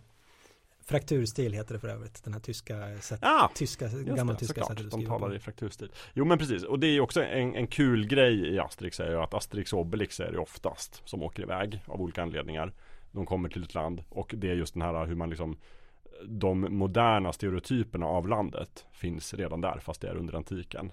Mm. Eh, bevismaterial A då Asterix i Alperna när de åker till Schweiz och liksom så här, de är otroligt renliga De äter jättemycket ost och de har liksom ett bankväsende som är liksom igång Väldigt kul Ja, en av mina favoriter, kanske ett av de bäst, kanske det bästa albumet faktiskt, det är ju Mm. Asterix och britterna. Ja, och det är där de uppfinner te Ja, precis. Fullpackat med 60-talsreferenser eh, Mm. och allmänna referenser om britter. Att de äter sina, de äter vildsvin men de äter dem i mintsås. Ja, just det Kokade mintsås Asterix, stackars djur säger Mm. Obelix. Eh, De värmer, de dricker Mm. öl och Mm. när, när Obelix inte gillar det då frågar de om han, om de vill att han, att han vill att de ska värma på det lite för att det var för kallt. Och sådär. Och så är det liksom, de ror över, över liksom, eh, över till, till Britannien i början. Ja. Och, och då så här alltså, ja det är lite svårt att ro över här. Ja men vi funderar på om vi ska bygga en tunnel kanske. Det Precis. kanske vi ska göra. Ja, och sådär. Och så vidare och så vidare och så vidare. Exakt, ja men där har vi Asterix i ett nötskal Mm. eh, Jättekul faktiskt Jag har ju oftast, eh, alltså jag har läst alla Asterix album och tycker de är bra Jag tycker att de tappar mycket när Goscinny tyvärr går bort Mm. och, och där så, jag tror han själv jobbar med några album och sen så Mm. tar han in lite olika liksom manusförfattare Där tycker jag den verkligen så här mm, tappar i kvalitet ganska mycket Men de klassiska Asterix-albumen, fantastiska Absolut. eh, Jag har också sett många av filmerna Mm där är de kanske lite liksom dumifierade, vilket ofta är grejen med, med de här filmerna. Men, men som sagt, albumen är, för att jag tror man kan lära, det är väl också en grej kanske om vi ska prata om så här hemligheter med varför de är så populära, alla de här albumen, att de går att läsa på många olika nivåer. Än när jag var åtta och läste Asterix så kanske jag inte liksom skrattade så mycket åt de här liksom kulturella referenserna eller ordvitsarna, utan jag tyckte bara det var en, en dråplig berättelse. Uh, och nu på senare år så kan man mer och mer uppskatta så här, dessa liksom, referenser som nästan blir roligare nu när man uppfattar att det också är 60-talsreferenser Mm. och är man insatt i liksom vad som hände i Frankrike på 60-talet eller Europa så, så blir det ännu roligare. Mm. Så att, jättekul. Och jag tror att en anledning till att eh, Asterix är ju väldigt fransk, Mm. alltså i sin, sitt sätt att vara men också liksom att framhäva Frankrike. Typ exempel Gallien runt, eh, där de ju åker runt i Frankrike, eller i Gallien då, för att samla in här, lokala specialiteter från Just olika. Mm. platser. Eh, och, och de använder liksom, de åker till de romerska varianterna av massa moderna franska städer. Och då alltså när de liksom ritar upp eh, kartan vart de ska åka någonstans så är ju då om man är med på referenserna och liksom är lite skarp så ser man att det är, det är Tour de France-kartan liksom som de rör sig runt i.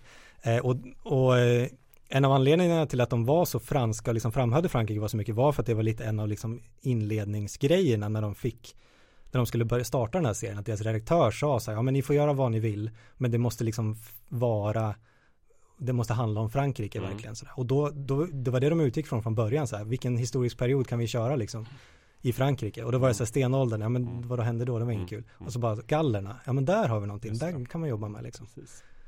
Och den motsättningen mot romarna och sådär. Ja, ja, Man exakt. slår dem och de far, Mm. far ur sina sandaler och Ja, man samlar ihop Mm. deras hjälmar efteråt när man har slagit dem och sådär. precis. Jag Mm. tänker också att, att nu, det här är ju en ren gissning Men eh, jag bara slänger ut den. Att du sa i början den här tv-serien på Netflix Du hade sagt liksom att den utspelar sig på 60-talet och just det här att Frankrike hade fortfarande sina kolonier Men var på väg att förlora dem lite grann. Tänker hela den rörelsen kulturellt i Frankrike. Eh, Jag har ingen aning men jag kan tänka mig att det var liksom så här Det var liksom inne att försöka ha, framhäva den franska kulturen Mm. på något sätt och liksom så här, vad, vad, vad, är Frankrike idag efter kriget och sådär Vi måste vara någonting Och vi är fortfarande viktiga också kanske. Ja, en serie som Asterix då som verkligen så här hyllar det franska Mm. och att Frankrike har varit Frankrike i alla tidsålder till och med på antiken. Det måste ha varit så här det måste ha varit som choklad för fransmän som vill liksom vara stolta över sitt land. Eller hur? Så det måste ha blivit jättepopulär. Men, men inte bara därför att den blev ju otroligt populär även i andra länder. Mm. Inte minst eh, Sverige då. Mm. En, om man ska prata om den lite mer så här politiska delen, alltså eller inställningen där så finns ju ett album som, som jag tycker fortfarande sticker ut lite men som också är väldigt sådär typiskt för sin tid Mm. och det är ju Gudarnas hemvist det. som det heter på franska, eller på svenska Mm.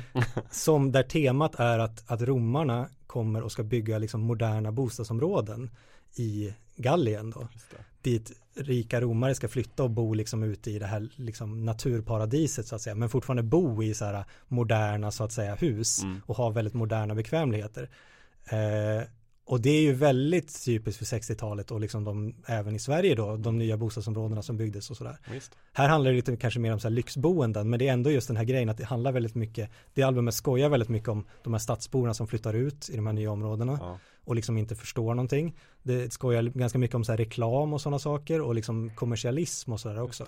De här gallerna, det finns ju några köpmän i den galliska byn.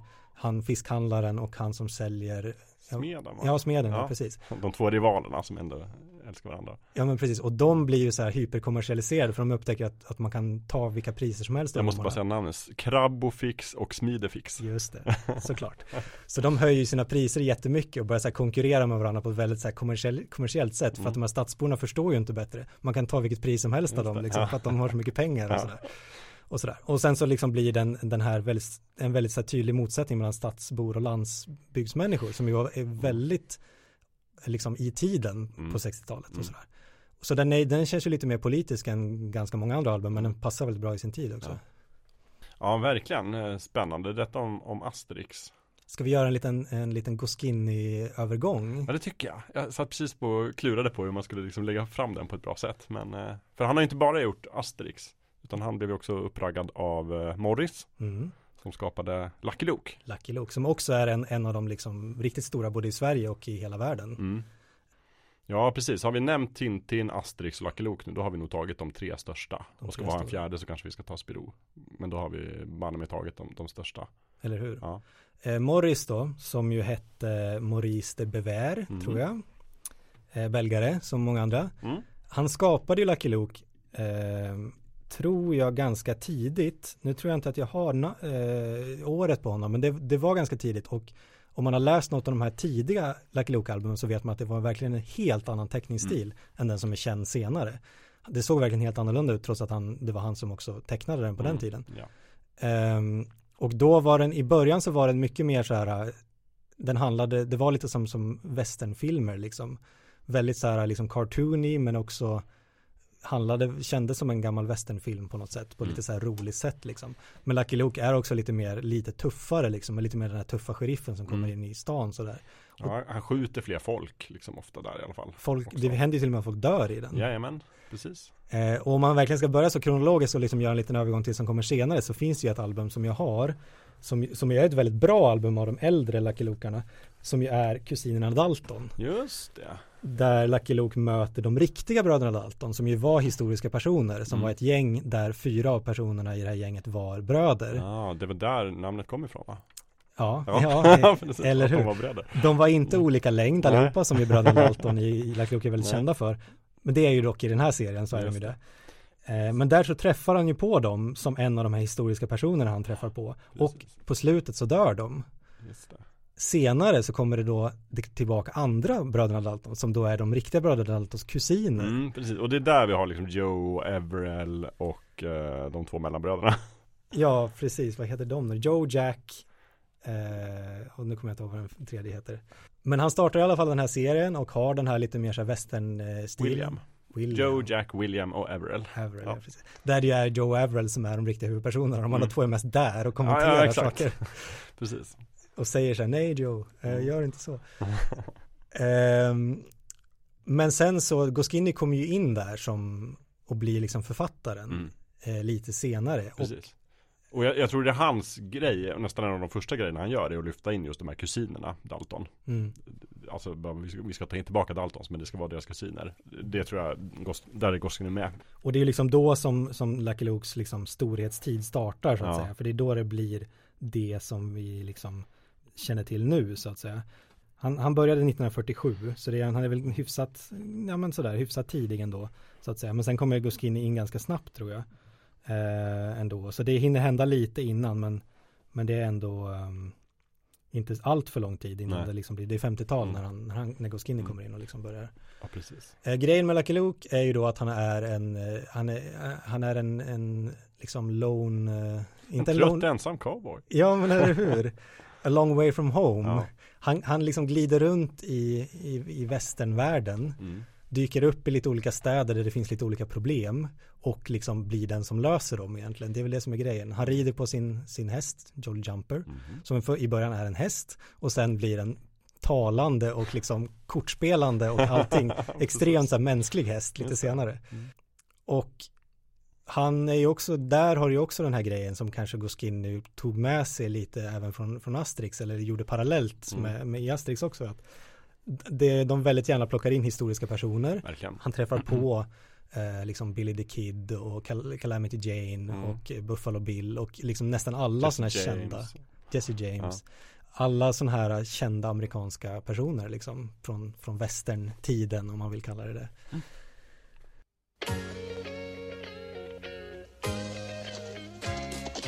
Västerns hjälte Lucky Luke kommer på sin häst Rider genom staden. Vad ska ske härnäst? Tuffast utav alla Drar och skjuter snabbt. Skjuter skott på skott och han träffar alltid nåt Hans namn är Lucky Luke. Pang, pang, Lucky Luke. Pang, pang, Lucky Luke. Det blir ordning när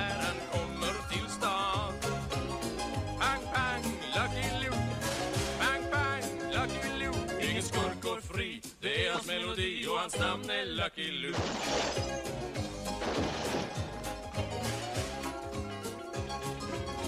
Det blir ordning när han kommer till stan.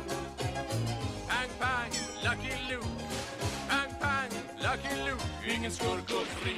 Det är hans melodi och hans namn är Lucky Luke. Pang, pang, Lucky Luke. Pang, pang, Lucky Luke. Och se skuggan hans har inte en chans.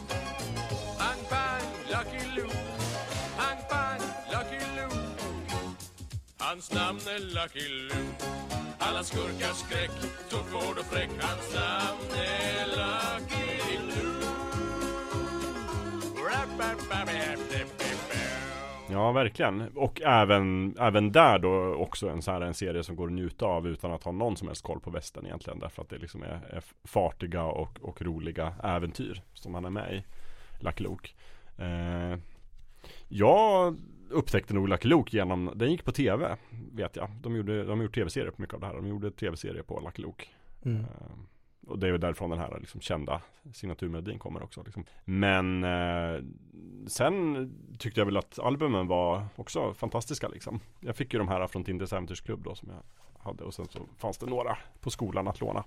Men jag tycker nog nu när jag läst efteråt, eh, även lite äldre album, att liksom, storhetstiden är ju där när Gosken är med och liksom hjälper till med manuset. För precis som med Asterix så fortsatte ju Morris också själv efteråt då med, med Lucky Luke. Jag tycker inte alls att det är samma, samma stil riktigt. Utan, men de här klassiska albumen som typ Apache-klyftan och Diligensen och Cirkus Mm. Västern och sådär. Det är ju, det är ju bra kvalitet alltså. Ja, jag tror att av de som jag har läst så är det ju Diligensen som jag håller som bäst. Ja men den är faktiskt. super, det är den faktiskt. Och där så är det ju då att vad är det för problem som Lucky Luke rider in och ska lösa? Jo men de, han ska ju eskortera den här diligensen då. Mm. Ehm, Från Denver till San Francisco. eller hur? Som det står på omslaget. Och då blir det ju en riktig road movie också. Mm. Det är ett väldigt bra upplägg för vilken story som helst egentligen. Liksom. Eh, och den, det är en väldigt karismatisk kusk på den här som är väldigt rolig. Mm. Ehm, och eh, som heter Hank. Hank, Hank Bully. Såklart. Eh, och sen så händer det en massa saker på vägen och de har liksom ett persongalleri då som ju man ska ha en road movie Mm. med lite olika personer så att säga. Det händer en massa dråpliga saker på vägen och det finns också en lite så här typ Ja men lite så här Agatha Christie grej i den för det är någon som saboterar under tiden. Vem av dem är det av de här Mm. väldigt olika personerna?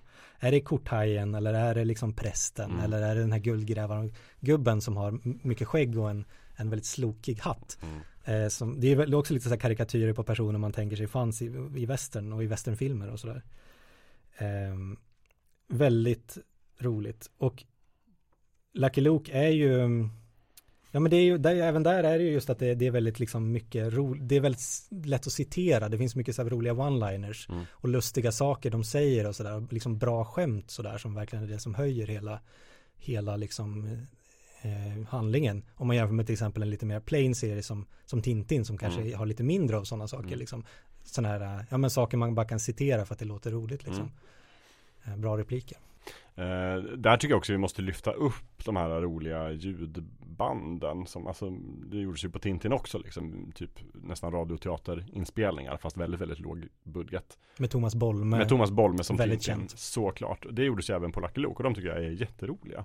Därför att det är Lucky Luke själv som är berättaren. Och de kör hela tiden det här roliga humoristiska greppet där berättaren Lucky Luke säger någonting som händer. Och det, precis därefter får vi höra Lucky Luke säga det. så, så här, jag bestämde mig för att vi skulle rida efter dem. Och sen hör man Luke säga, vi rider efter dem Jolly Jumper. och det gör de hela, hela tiden. Det är väldigt kul. Just det. Mm. Eh, Lucky Luke är också en som, inte riktigt lika fartfylld som Spirou kanske, men den är ju väldigt så här frejdig i liksom stilen, i, i rörelser, i ansiktsuttryck och, och sådana där saker. Mm. Eh, och han har ju sin tagline, att han, eller hans liksom grej att han skjuter snabbare i sin egen skugga. Och många så här running gags som återkommer lite, lite då och då sådär, för att eh, hålla ihop liksom handlingen och sådär. Verkligen. Många är ju också, alltså Lucky Luke också, är ju någon form av liksom superhjältar i det. Att, eh, alltså Lucky Luke drar snabbare än sin egen skugga. Han är i princip osårbar. Det är väldigt sällan som han är i liksom riktig fara. Mm. Eh, och, och det kan ju ibland bli tråkigt när en seriefigur är så. Men, men här funkar det ju för att just att det fokuset är inte att man ska tycka att den är liksom, att han är i fara. Utan att han är så rolig och liksom men han har ju en väldigt avslappnad inställning då till livet. Precis som Asterix och Obelix också har. Liksom. Mm. Också så här, i princip osårbara. Mm. Eh, jag uppskattar det. ja, ja, precis. Absolut.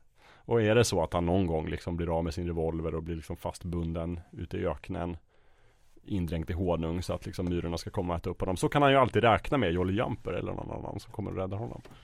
Så Mm. det, det är ju tryggt. Till exempel också då eh, kavalleriet. Ja just det. Som jag också använder som en så här humoristisk grej, typ att ibland när det, så hamnar de in, och då kommer de verkligen så här, och så säger han alltid så här, åh ni kom precis i tid.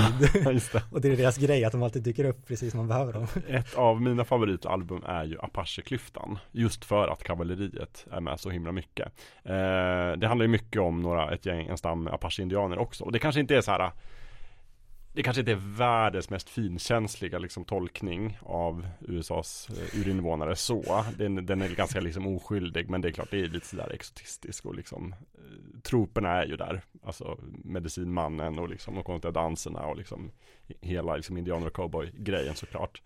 Eh, Men, men den är en ganska spännande twist just Apache-klyftan. För det handlar ju mycket om så här rivaliteten mellan det här eh, kavallerikompaniet som nästan bara består av irländare och den här Apache-stammen och hur de liksom krigar där ute i, liksom, i öknen med varandra och ingen av dem vill liksom egentligen ha slut på kriget av olika orsaker och sen så får Lucky Luke då gå in och medla och lista ut de här hemligheterna vad, vad ligger bakom egentligen denna, denna utdragna konflikt. Mm. Väldigt bra och roligt eftersom att eh, kavalleriet alltid när de är ute och rider så sjunger de bara massa irländska ballader. Just det. Kom med, Mr Luke. Sergeanterna O'Malley, O'Hara, O'Dwyer och O'Flanagan är här för att sjunga ballader för mig. Det är en tradition vi har. Jag längtar tillbaks till klipporna vid min strand och Irland, och Irland, mitt vackra fosterland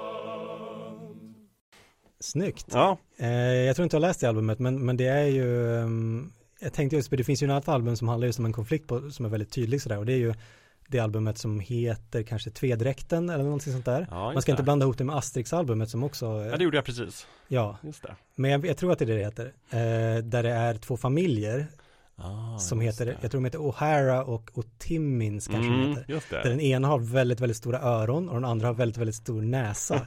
Och de är, är så här riktiga så här hillbilly-karikatyrer bägge två liksom. Mm. Och de eh, slåss liksom om, eh, ja, de, de är rivaler i det här stället de är på. Och, och Lucky Lukes hela grej att han måste liksom medla eller på något sätt lösa deras konflikt så att säga.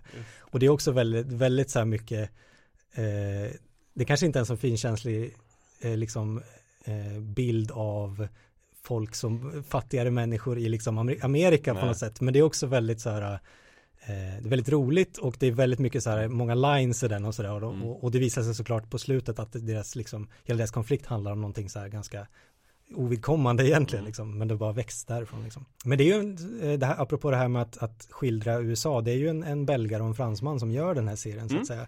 Och det är ju lite roligt att en av de största liksom europeiska serierna handlar ju om någonting som är väldigt amerikanskt på det sättet. Verkligen, ja. Fast ändå kanske genom en lite europeisk lins, om man säger det. Sen en rolig detalj i de svenska albumen är ju att de ofta, redaktörerna ofta tryckte in någon sån här liten historisk kontext i slutet. Med gärna någon, någon tavla eller bild som de kunde återge och liksom berätta om hur, hur det var liksom. Det där kunde man ju lära sig om, om vem Jesse James var. Ja, exakt. Eller Calamity Jane Mm. och de där. Att det var, var en väldigt fin grej med dem, just att det var den här väldigt liksom svartvita jättegamla Mm. bilden bak Mm. och så fick man läsa lite om Ja. de här personerna på ja, riktigt. verkligen. Det var, tycker jag var ganska bildande faktiskt. Mm. Där lärde man sig mycket. Mm. Ja, det gjorde man. Eh, ja, alltså ska vi, vi nu har vi nämnt de stora egentligen. Eh, det är väl en tecknare till jag tycker att vi borde liksom rikta särskilt fokus på. Och det är, kanske inte är den mest kända. Men om man lägger ihop alla serier han har gjort. Så tror jag ändå att han liksom måste kvala in på den här listan. Och ha någon sorts hedersomnämnande. Och det är ju Peyo. Mm. Eller Pierre Culliford. Cull- Culliford. Också en av de fyras gäng. Också en av de fyras gäng och då förespråkare för Marcinellskolan. Eh, gedigen tecknare. Har gjort väldigt många serier. Framförallt kanske känd då för att han har uppfunnit smurferna. Mm. Eller smurfarna som många brukar säga nu för tiden. Vilket Mm. jag ogillar. Och det bestämdaste. Eh, Jag tänkte säga att du borde, jag tänkte att du skulle vara den gamla skolan. Ja, jo men jag säger för smurfarna. man sa har smurferna i början ja. Precis, men ja, jag kan väl jag, jag förstår ju att språk utvecklas och ändras också. Och att många säger smurfarna. Men jag tycker nog ändå att eh, smurferna låter bättre. Mm. Ja, ja, hur som helst. Eh, han har gjort Smurferna, men han har också gjort en eh, medeltidsserie som heter Johan och Pellevin. Mm. Eller Johan och Pellevins äventyr. Mm. Två unga äventyrslystna män som heter Johan och Pellevin. Riddaren Johan och hans typ kompis slash väpnare Mm. Pellevin. Mm. Som är tokig och rolig och feg och matglad kan man väl säga. Kortväxt. Ja, kortväxt. Medan Johan är, är lång och modig Mm. och driftig och kunnig. och måste lite hantera Pellevins liksom utbrott och eh, ja men både att han blir, han blir väldigt arg, han gör väldigt konstiga saker liksom. Ja. Att han är ju verkligen the straight man i det. Ja, ja verkligen. Eh, men en väldigt bra, jag, gillar, jag tycker väldigt mycket om den, jag hade ett par av de, de albumen också. Det är en Mm. också en väldigt bra serie. Precis, här har jag ett som heter Hertigens ring. Också precis som många andra serier då så är den utgiven i konstig ordning i Sverige. Eh, Men Hertigens ring tycker jag är rolig. Sen är det ju också så här att smurferna då, de är ju faktiskt, från början så var de ju med i Johan och Pellevin. Mm. Det var därifrån de uppstod. Då, liksom, som sorts små lustiga blå varelser som Johan och Pellevin träffar i äventyret Den magiska flöjten. Och sen blev ju de väldigt populära och kom med i några andra album och sen fick de ju snart sin egen serie. Mm. Och det, Johanna Pellevin är ju faktiskt hans första egna serie tror Mm. jag. Eh, Så det var ju liksom där det började. Och det var ju faktiskt också så att, att det var ju först ett äventyr med Johan. Ja, Och att han i, vilket, ja det är allra första albumet tror jag. Eh, Jag tror att det är, åtminstone i Sverige var det det första albumet. Eh, just det. Vilden i klippiga skogen. Ja, Ja, don't quote me on this, men han träffar ju Pellevin i alla fall i ett av ja albumen. men det kan nog stämma faktiskt. Eller så är det så att han har ett album först som är helt själv. För jag tror att det finns ett, åtminstone ett album där han är helt själv. Vet du också hur det kan vara? Det kan Mm. vara så att, att han gjorde en del kortare äventyr med Johan som gick bara i magasinet. Och sen så gjorde han ett längre äventyr med honom och där träffade han Pellevin. Och sen från den dagen så alla kommande äventyr var Pellevin liksom med. Så var det dem. Ja, precis. Så, men det där albumet som du håller upp, Månstenen, det tror jag är ett av de äldsta, alltså om man kollar på den svenska utgivningen så är det förteckningsstilen där är mycket simplare Mm. än, äh, än många andra. Men vet du vad Jakob? Nej. Det gavs ut som det sista av Jag alla vet, det i Sverige. är sjukt! Såklart. Varför? Varför gör de så? Eh, och det var ju ofta så att om man, om man liksom hade om man, om man såg vilken ordningen var i som de kom, man, Mm. även som liten eller som åtminstone lite större, så kunde man ju se att ja, men det här är nog lite äldre, för jag Ja. ser på teckningarna att de är lite liksom grövre, lite sämre gjorda, Mm. lite en annan stil. Ja. Så man fattade ju liksom Mm. redan då att så här, det här, this is not the order Ja, de är verkligen. i. Och, och man ser det ju också på liksom andra så här storymässiga detaljer. Även om de är ganska fristående så händer ju grejer och man märker att de ibland så refererar de, till exempel Tintin gör de det ofta. De refererar tillbaka till ett tidigare äventyr. Och i Sverige då när de översatt dem så har de ibland till och med så här, typ jag tror det är i Tintin Koxilasten. När de träffar en av de här busarna, nämligen sjömannen Allan. Mm. Som är en som är skurk. Och så träffar de honom och så känner de igen honom för de har träffat honom i tidigare äventyr. Ja, Eh, men inte, det har inte, för att de träffade honom i, i tror jag, det svarta guldet. Men det har inte getts ut i Sverige ännu. mm. Så att istället då för att det, som på franska så står det så här, se Tintin svarta guldet. Så kan de inte göra det. Men däremot har de gett ut Plan 714 till Sydney som är ett senare album där Allan också är med. Så då refererar de tillbaka till det ja istället. det. Det är helt sjukt. Och det verkar vara helt genomgående. Alla de här serierna som vi har pratat om nu Mm. gavs ut i fel ordning. Ja, och, Och- jag har lite funderat på varför. Jag, jag har inte heller riktigt lyckats läsa mig till varför det var så, men det verkar vara extremt genomgående. Men det är väl också en liten sjuka av det här att de, alla de här serierna fanns redan i ett helt packe Mm. innan de kom Ja. till Sverige. Precis. Så de kunde ju göra sådär. Mm. Men frågan är varför de inte bara gjorde det i kronologisk ordning. Ja, det man kan tänka sig, och man kan spekulera, och det har jag gjort lite grann när det gäller Tintin, just där att, för där gav ju Bonnier ut liksom fyra album först. Och då kan man ju tänka sig att när Carlsen sen tog över så ville de inte ge ut just de albumen igen i början. Och då Mm. gavs de ut senare på 70-talet. Eh, och sen kan man väl tänka sig varför var det då de fyra de valde först. Eventuellt så försökte de ta liksom album som var ganska så här eh, självständiga i handlingen. Också kanske som de tyckte var så här, men det här kommer nog att slå eller det här kommer bli ett populärt album. Mm. Så här.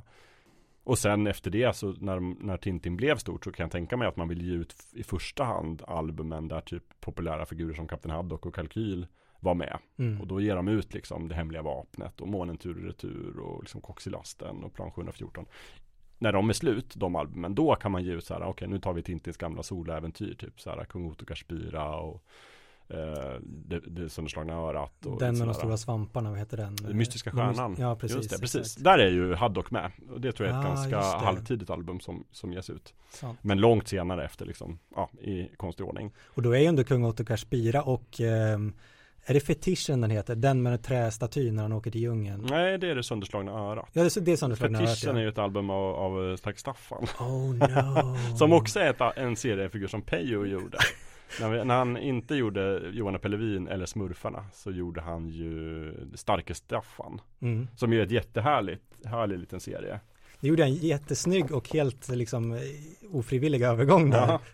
Ja. Eh, men om de Tintin-albumen i alla fall, de, hör, de här soloalbumen Tintin är ju väldigt bra, alltså de hör ju till de bästa albumen. Jättebra. Men jag förstår vad du menar att det, Mm. det kan vara kommersiella Mm. skäl. ja. Sen, sen det här är ju liksom också ganska, nu blir det liksom en bara kuriosa diskussion därför att nyutgivningen nu har ju Alltså nu är det ett gäng förlag som är inblandade men just nu är det väl Kobolt som har ansvaret för Tintin-utgivningen De nyöversatte på 2000-talet och gett ut i nya utgåvor Då är de i ordning Mm. naturligtvis så att, Ja, nu är ju sånt viktigt Ja. igen. Liksom, Ja exakt, Även Asterix Mm. sig ut i jättefina inbundna böcker Mm. i ordning. precis Och där pratar de ju väldigt mycket i liksom, där de pratar om i, i sidorna mellan själva albumen så pratar de med så här, man får lite runt information och så där. Mm. Där pratar de ju alltid så här, ja det här var ju i fel ordning så den Mm. kom ut i, som nummer 12. Ja, De måste ju alltid liksom hantera det. ja precis. Men eh, om, om man tänker på smur, smurferna Mm. och man tänker på Pellevin i och Pellevin. Pellevin är ju i princip en mänsklig smurf så att säga. I, ja, i, lite både i sätt och i Ja. utseende. Mm. Han ser ut som en icke-blå smurf och agerar lite som en kombination av de olika smurfarna, liksom med deras olika egenskaper på Mm. något sätt. Och Starke Staffan, som vi ju tog upp lite där, Mm. som också är en av mina favoriter faktiskt, jag tycker den är jättefin. Ja, den är jättefin. Det är också en liten kille som har lite de här dragen. Jag, jag tycker att det är någonting med Peyos sätt att rita näsor på som man känner igen Ja. väldigt tydligt. Ja, från smurf, smurfarna till exempel. Ja, men han ritar ju väldigt gulliga näsor så liksom. Om, om Frank Green liksom ri- ritar uppblåsta, lite så, så här, konstiga näsor. Mm. Så ritar ju Peyo liksom väldigt gulliga små näsor. Mm. det är lite hans grej. Ja. Eh, Starke Staffan, vad har vi på Starke Staffan egentligen? Han är ju superhjälte. Han är väldigt stark. Han är väldigt, väldigt stark. Han är liksom stark och osårbar. Om han inte är förkyld. Mm. För då tappar han sina krafter. Det är hans kryptonit. Ja, precis. Och det blir han ju liksom en gång i varje album, Mm. kan man säga. Som småbarnsförälder kan man ju relatera. Verkligen. Ja men Starke Staffan, han är väl en ung kille, vad kan han vara? Han är inte gammal, alltså 8, 9, 10 år sådär. ja, precis. Han går i skolan i alla fall. Det gör jag. han, men bor själv Mm. och sådär. Det är lite, han är lite, lite som Pippi på det sättet. Ja, och jag tror att det, jag har inte läst alla album, men jag tror att det är ganska okommenterat också att han bor själv. Att det bara, det bara är så liksom. Ja, det är ingen som ifrågasätter det. Han bor liksom i, en, här, men i ett lägenhet i ett Ja. stort bostadshus i stan. Och folk hälsar och så här. De verkar ju ha någon sorts så här, eh, att de ska liksom se efter honom lite sådär, några. Mm. Men ingen någonsin tänker sig vara dina föräldrar. Sen har han ju en, en farbror eller en morbror som man åker och hälsar på ibland. Som ju också är hemlig agent då. I, som man träffar i det här albumet, det hemlig, Den hemliga väskan. Mm. Eh, och som man brukar vara hos på somrarna då tydligen. Så. Men när det är term- skoltermin då, då åker han ju tillbaka till sin lägenhet och bor där. Ja, precis. Men det är, inte, det är ju inte han som är, för han har ju också herr Larsson, va? en äldre, en äldre Ja just man. det, precis. som är hans kompis, Ja, liksom. exakt. Som jag tror är taxichaufför Mm, i stan. precis. Som han hänger med. Mm. Eh, och då är det också mycket så här, är det din son? Nej, det är bara min kompis Ja. Staffan och han är, han är sju år, det är inget konstigt med Nej, det liksom. exakt. Eh, men Starke Staffan, han är, ju, han är ju väldigt präktig men på ett lite mer så här, eh, ja men lite mer själv distansigt sätt än vad Tintin Mm, är till ja. exempel. De, de, de skojar ju med då, eller Peyo skojar ju med att han är så präktig att han, Mm. här, han, han tycker, han hatar skjutvapen, det är en av Ja, hans grejer. Det är väldigt Mm. uttalat. Mm. Han, han eh, brukar ju mycket våld på saker så att Mm. säga. Han slår ju sönder saker, Ja. lyfter saker, kastar dem för att han är väldigt stark. Ja, Men han gillar ju liksom inte våld egentligen. nej han att ber säga. alltid om ursäkt och liksom sådär, liksom, oj förlåt, nu har jag liksom, eller försöka rätta till och liksom städa upp efter sig och sådär, när han har råkat krossa någon stor staty eller någonting. Ja, precis. Att då, Oj, oj. Ja men det är verkligen att se riktigt ledsen ut och Ja. så samlar ihop bitarna och så. Ja. Och även då att han har en väldigt tydlig moralisk kompass och att han säger sådana här saker som att ja, men så här får man inte göra för det Mm. har det har ja men typ om det är rektorn sagt ja, det har jag lärt mig i skolan. I skolan har de sagt att så här får man inte Mm. göra. Ja. Så han är ju väldigt så här präktig fast på ett lite mer sådär självdistansigt sätt Mm. liksom. Ehm, och är, han är ju väldigt stark men på något sätt så lyckas han använda sin styrka oftast när de vuxna inte ser. Att han liksom befinner sig någonstans där de inte kan se. Han är Mm. inne i det brinnande huset. Det. Alla andra är utanför. Mm. Plötsligt så bara blåser liksom eh, huset ut som ett ljus så här, och försvinner. Och alla bara, vad hände? Varför brinner det inte längre? Mm. Och då kommer han ut så här ur huset liksom. Men ingen ser det hända, men de liksom ändå, ja, Så, så är det ju liksom löpande i den här av albumet då, Den hemliga väskan, som kanske är min favorit ändå. Jag gillar det väldigt mycket i alla fall, där han då träffar sin farbror Fred, som är hemlig agent. Och sen så är han med på ett äventyr eh, där den här hemliga väskan blir stulen och där farbror Fred måste beskydda någon person och den hemliga väskan. Och det är liksom skurkar som är efter dem och det är starke Staffan hela tiden som måste liksom besegra skurkarna och liksom stoppa bomber och, och liksom, han gör allt och liksom krossar skjutvapen och sådär. Och farbror Fred liksom hela tiden ser inte det nej. utan det blir alltid så här, va? Men hur har de här skurkarna blivit avtuppade och tappat alla sina vapen? Och Stark Staffan bara, eh, det var jag. Men aldrig liksom, aldrig blir han liksom avslöjad. av Och det är ju så hans hemlighet bevaras så att Ja. säga. Han är ju väldigt mycket så här hiding in plain sight grej att han, ja precis, ingen vet att han är stark trots Nej. att han gör de här grejerna Ja. precis hela Och det är tiden. inte som att han försöker dölja det heller, utan han säger ofta så här, bara, jag kan ta hand om det där, jag är väldigt stark förstår du. Så man, nej, du är en liten pojke. Min favorit eh, bland Starke Staffan-albumen är Mm. ju Starke Staffans 12 storverk. Jättebra. Den är jättefin. Och den har ju en väldigt så här Ehm, den handlar ju då i, i grunden om att det är han och herr Larsson, den här taxichauffören. Herr Larsson hade en gång ett jazzband när han var ung, men Ah. ett helt gäng andra män i, Mm. i, hans ålder. Mm. Eh, det, det här är inte så jättemycket spoiler för hela grejen kanske, men, men eh, en dag så kommer in en arabisk prins och tittar på det här jazzbandet och de hjälper honom med någonting. Mm. Mm. Och han bara så här, här har ni ett kontrakt på en, en bit eh, sand i öknen. Det är bara en, en fastighet jag äger, det är inget viktigt typ sådär. Men den kan ni få. Och så sen så hittar de ju såklart olja där då så att den här fastigheten blir väldigt mycket värd liksom. Mm. Och då är det, då är det ju så här, vi måste beskydda det här kontraktet så att, så att herr Larsson och hans vänner inte liksom blir bestulna av, för att någon kanske vill stjäla det här Mm. liksom. Ehm, och då blir det också lite av en road movie, han måste åka runt mellan alla de här gubbarna liksom. Det är den här klassiska filmgreppet där det är ett gäng personer som är utspridda, Mm. det har gått många år, de är äldre allihopa nu. Men liksom de måste hitta allihopa innan skurkarna hittar dem först så att säga. Mm. Ehm, och under tiden då så, så gör Starke Staffan olika saker som i liksom texten under är så här, det här var Starke Staffans femte storverk. Så att det blir den löpande tråden Ja. att han gör liksom de här tolv storverken då, som kommer från Hercules då. Mm. Eh, en grej som jag har tänkt på när jag läste albumet, lite som, vuxen också, är ju att Starke Staffan är en väldigt gullig person. Han är, just för att han är lite så här, han är väldigt snäll och moralisk. Mm. Och att han har sådana här saker som att varje gång han sover så suger han på tummen liksom. Han, han ser väl ut som en sån här liten gosse liksom. Mm. Men äventyren har ändå liksom en nerv som jag tycker är liksom lite så här, eh, att det är lite så här, eh, liksom, inte läskigt riktigt, men det, det finns någon typ av så här spänning i det. Mm. Som är kanske på samma nivå som Tintin eller mer än Tintin Mm. ibland. I det här Starka Staffans tolv storverk så finns det en scen som är lite utdragen där de blir instängda i en gruva som har rasat. Han, herr Larsson och en av de här männen som han känner liksom.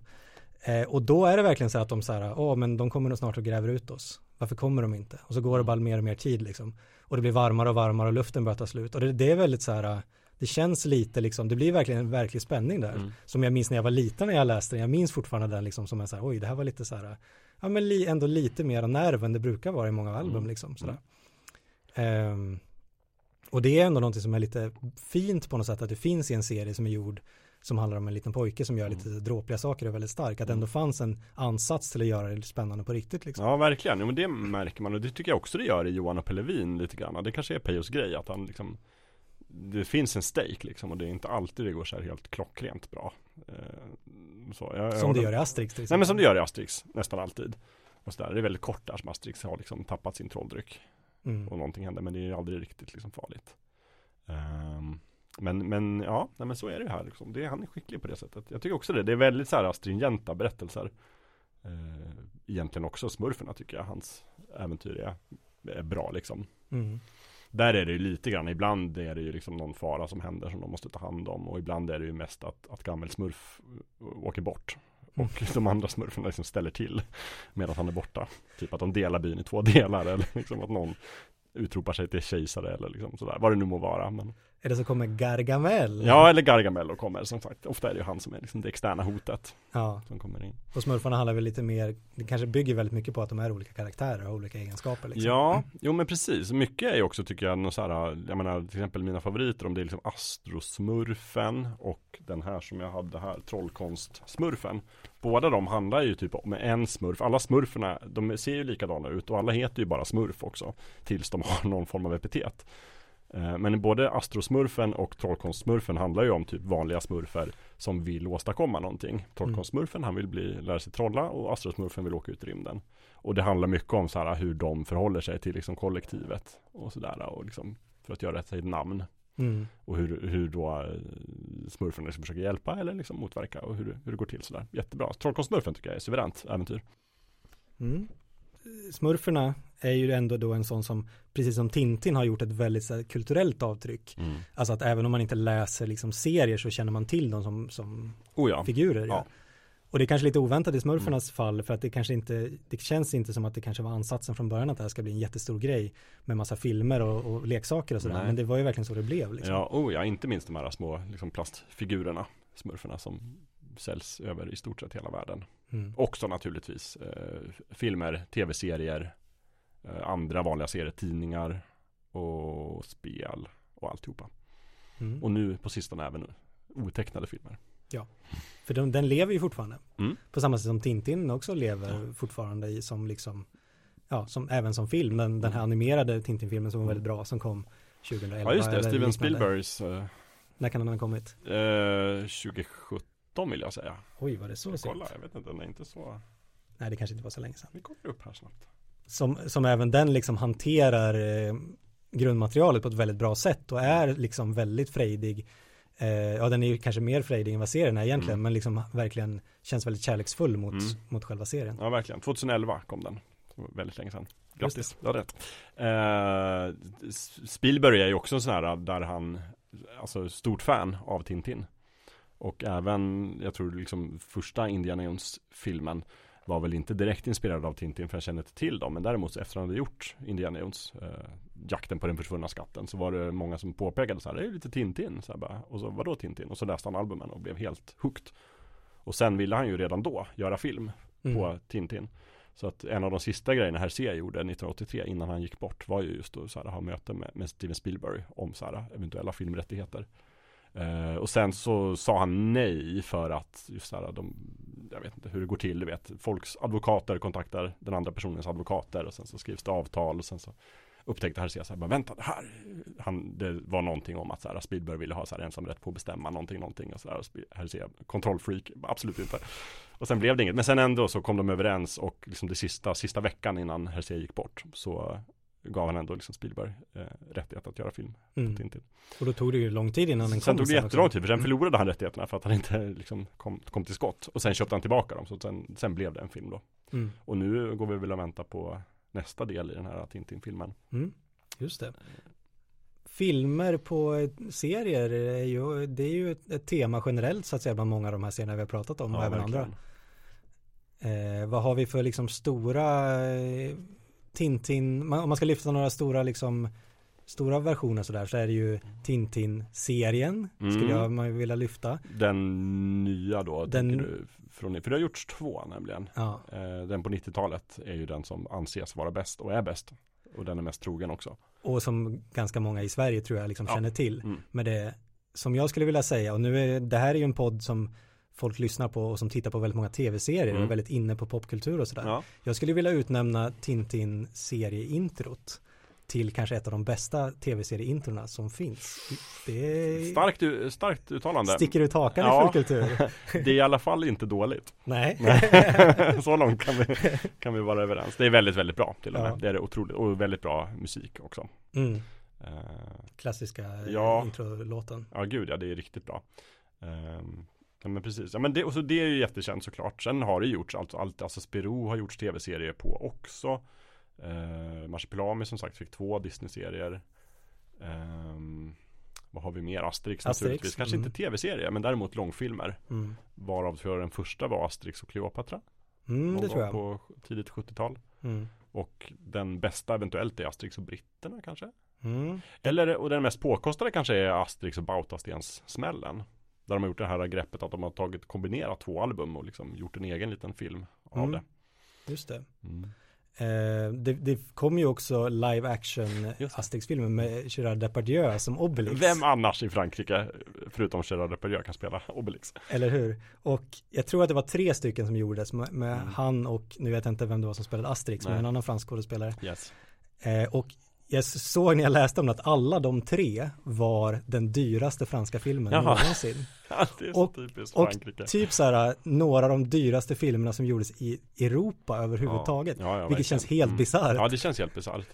Men det var, de var ju verkligen jättestora liksom. Eh, populära också tror jag, alla Oh ja. de tre. Mm. Men också liksom att de var så himla stora som liksom filmer i Mm. Frankrike just. Mm. Dyra liksom. Ja, att Mm. det var dyrt bara. Mm. Det var, eh, Ja, verkligen. Nästan alla av de animerade filmerna av de här kommer ju från en och samma studio, nämligen Belvision.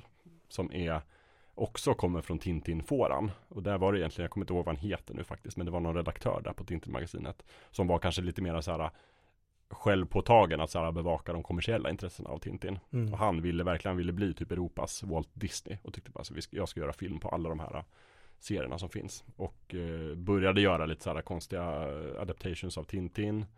Som inte blev så hyllade och som Hergé inte tyckte om. Och sen så gjorde han också film på, alltså Smurferna då, eller Johan och Pellevin, Den magiska flöjten. Det äventyret, den blev film. Och som sagt Asterix. Men Mm. också då Tintin, det gjorde de bland annat långfilmerna på Solens tempel.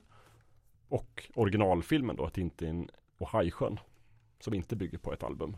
Men som blev ett album i efterhand. Ja, som blev sen ett, ett filmalbum med liksom bilder från, stillbilder från filmen Mm. och sådär. Eh, Men som Herse inte heller tyckte om.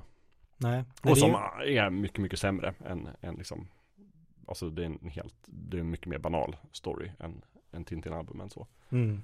Um, Men den finns. Och som vi har ju redan nämnt eh, Lucky Luke-serien. Just det. eh, som ju också var ganska känd och stor och sådär. Mm. Men sen finns det ju även då på senare tid, det känns som att vilket man kanske inte riktigt vet om om man inte befinner sig i Frankrike eller Belgien och sådär. Men även att till exempel Gaston som vi pratade om tidigare har fått en film 2018. Ja, just det. Precis. Gaston Lagaffe Ja, som har han du heter. sett den? Nej, Nej, inte heller. den verkar inte jättebra Nej. om man läser om den. Jag såg trailern. Ja, Den verkar väldigt fransk. ja. Och väldigt så här, eh, okej. Tänkte jag. För mig själv. 4,4 på IMDB, Ja. vad nu det säger. Men det visar också på något sätt att det här är någonting som fortfarande går att göra nu så att Mm, säga. Från mm. en serie som gjordes på eh, 60-70-talet liksom. Visst. Och att det fortfarande lever kvar så pass stort att det, att det liksom är kommersiellt gångbart att göra en, en live action film av det nu liksom. Och det finns även då en film tror jag med eh, Starke Staffan om jag inte minns fel. Ja, just det. Precis, jag har bara sett omslaget. De Mm. röda taxibilarna tror jag de har tolkat Mm. det albumet. Även i liksom med riktiga skådespelare så att säga, precis. levande skådespelare. Mm, just det. Eh, ja, så det är intressant. Men det är sånt som man kanske inte riktigt nås av om man inte är i Frankrike eller i Belgien liksom. För det är inte säkert att de filmerna tar sig liksom utanför på det sättet. Nej, precis. Det är väl en svår marknad generellt och sådär. Men det är som sagt Asterix har ju liksom, även Asterix-filmerna tror jag har haft lite svårt att så här bryta igenom. Eh, Och det gjordes ju också, nu har vi inte nämnt så mycket, men Linda och Valentin då, en serie som jag har nämnt tidigare i Fulkultur, som jag tycker mycket om. Även där var det ju en oerhört påkostad eh, filmatisering, Mm. som inte heller var särskilt bra. Nej. Men som eh, han, vad heter han? Den jättekända franska regissören gjorde. som jag tappar namnet på. Han som gjorde Leon och Luc Besson. Luc Besson, precis. Är det så man säger Just kanske? Det. Luc Besson gjorde ju för tusan en, en Linda och Valentin film. Mm. Eh, och den var ju inte jättebra för det. Nej, Nej, precis. Tyvärr. Men, men ja, kul att de ju försökte ändå. Jag vet inte, vill du säga någonting om Linda Valentin? Har du läst den mycket? För den är ju väldigt populär. I Frankrike är den väldigt stor. Ja, och jag har läst den och jag har som sagt nämnt den tidigare avsnitt. Jag behöver nog inte säga så mycket mer än att jag tycker den är väldigt bra. Mm. Också den gavs ut i konstig ordning. Också den har återutgivits i korrekt ordning i fina inbundna volymer. Eh, jag tycker om den, men det skulle man eh, Ja, vi skulle kunna göra ett helt avsnitt på bara det egentligen. Den är lite mera sådär eh, Kanske vuxnare Eller liksom riktad för en lite mer vuxen publik än många av de här andra serierna. Eh, och har liksom just den skiljer sig väl också för att den är en väldigt renodlad sci-fi serie.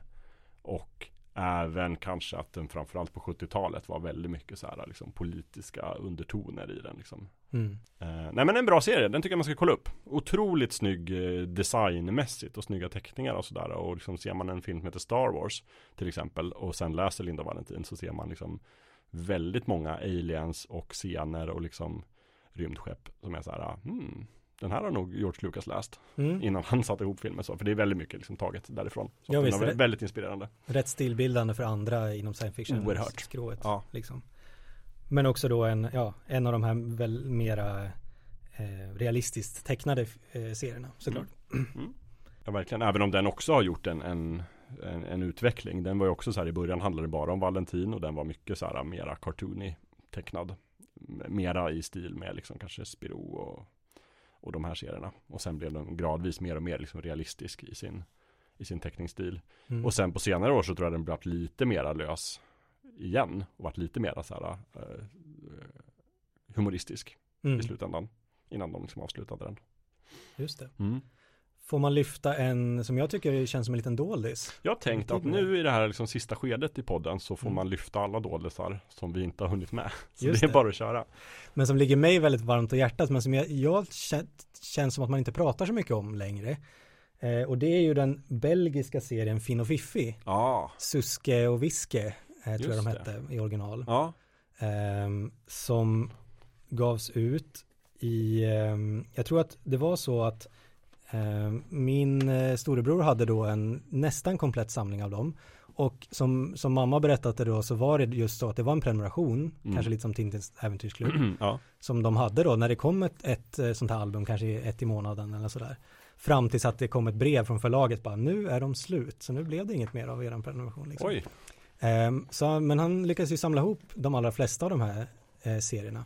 Det är då en belgisk serie ehm, som är gjord av eh, Willy Vandersten. Ja, okej. Och då ganska många belgiska serier tror jag är franskspråkiga från början. Belgien är ett land som har flera språk. Ja. Eh, väldigt tydligt liksom eh, att det finns flera delar av Belgien och med olika språk och sådär. Men då, Willy Vandersten är ju då faktiskt en flamländsk serie från början, vilket inte Mm. tror jag är lika vanligt som att den eh, de flesta belgiska serier är franskspråkiga men det här är ändå en flamländsk serie redan från början. det. Ja. Ehm, och det gjordes då eh, eh, många album av det. De kretsar ju då kring Finn och Fiffi som är två äventyrliga barn. Fast här är ju dock en kille och en tjej. ja. Är de syskon? Eh, oj, Oklart. ja, är de det? Vet inte, det kanske är otalat. Ja, eller så är det, fast jag bara kommer inte ihåg det. Ja. Det här får Finn och Fiffi-kännarna eh, Skriv in, skrika. skriv in och berätta hur det ligger till gällande Finn och Fiffi. Eh, precis. då kan man gå in på fulkulturpodden.se och klicka på kontakt. Så kan man skriva eh, rättelser och berätta hur det är. Exakt. Jag väljer att tro att de är syskon. Jag har alltid tänkt det i alla fall. Ja, de, eh, och de har ju liksom ett, ett ganska, liksom, de har ett persongalleri runt omkring sig av vuxna människor då. Eh, som då är eh, deras tant, Klara. Mhm. Tant är väldigt bra som liksom släktband eh, för det kan betyda lite, lite vad som helst. Just men de det. kallar henne för tant Klara. Och sen har de då den här mannen som heter Lamholt på eh, svenska. Mhm. Eh, som ju liksom är en äldre herre som är flinskallig och som ser sig själv som ganska viktig och stor och sådär. Tycker att, att han ska leda det här gänget. Eh, men också då, det blir ju liksom lite dråpligt då när han, när han liksom klantar till saker och inte riktigt, hans självbild är lite större än vad han själv är så att säga. Såklart. Och sen är det då Ferom, eller Ferom kanske, Mm. som ju är, som kallas för en, eh, en naturkraft, tror jag de kallar honom, i liksom den officiella, han är ju då någon, en, eh, han är väldigt stark, han är en, en typ av urman så att säga, som har kommit in i det här gänget. Och han är också en person som de träffar i ett av albumen, Just han är det. inte med från början. Eh, men han är ju väldigt stark så att säga, kanske inte liksom i huvudsak smart, men han är, han är väldigt stark och löser ju många situationer också genom sin styrka liksom. Har lite med säga Conan Barbaren utseende nästan, fast, fast mera skägg, men också lite långt hår. Vad är det liksom för tidsålder Finn och Fiffi utspelar sig i? Är det liksom modern tid eller? Ja, det är ju en, en nutid från början så att säga, från där de är, Mm. vilket ju då är eh, på eh, 60 eller 70-talet antar jag att ganska många av dem utspelar sig i. Eh, men sen är det ju väldigt mycket att de åker till olika liksom eh, ställen. Det är väldigt, väldigt mycket äventyrliga placeringar av dem liksom. Och även då att de åker, eh, dyker upp i liksom eh, till och med bibliska teman. Ett av de, de Mhm. väldigt bra albumen är eh, Den magiska saxen. Mm. Som är då utspelar sig där liksom eh, för de har eh, den här rollen av eh, Samson, alltså den väldigt starka mannen som får sitt hår avklippt av Delilah och då tappar sin styrka liksom. Eh, och det är liksom eh, temat som finns där så att säga. Men det finns eh, otroligt många. Det finns ett där, som är i västerntema, Mm. eh, Texas skräck som också är ett av de bästa tycker jag. Eh, där, de, där de liksom hamnar i, i vilda västern och är sheriffer och ska lösa problem och slåss mot olika bovar. Mm. Eh, men sen finns det också där eh, med liksom där de hamnar på andra planeter. Det finns eh, ja, liksom verkligen alla varianter. Det känns som att de rör sig väldigt mycket liksom i äventyrliga eh, platser så att säga. Men Mm. utgår ändå från någon sorts nutid där de är. Just det. Ehm, och det är en väldigt liksom bra serie, både för att de är för att det är liksom välskrivna äventyr och bra miljöer, men också för att de är, det här persongalleriet är ganska liksom roligt. Mm.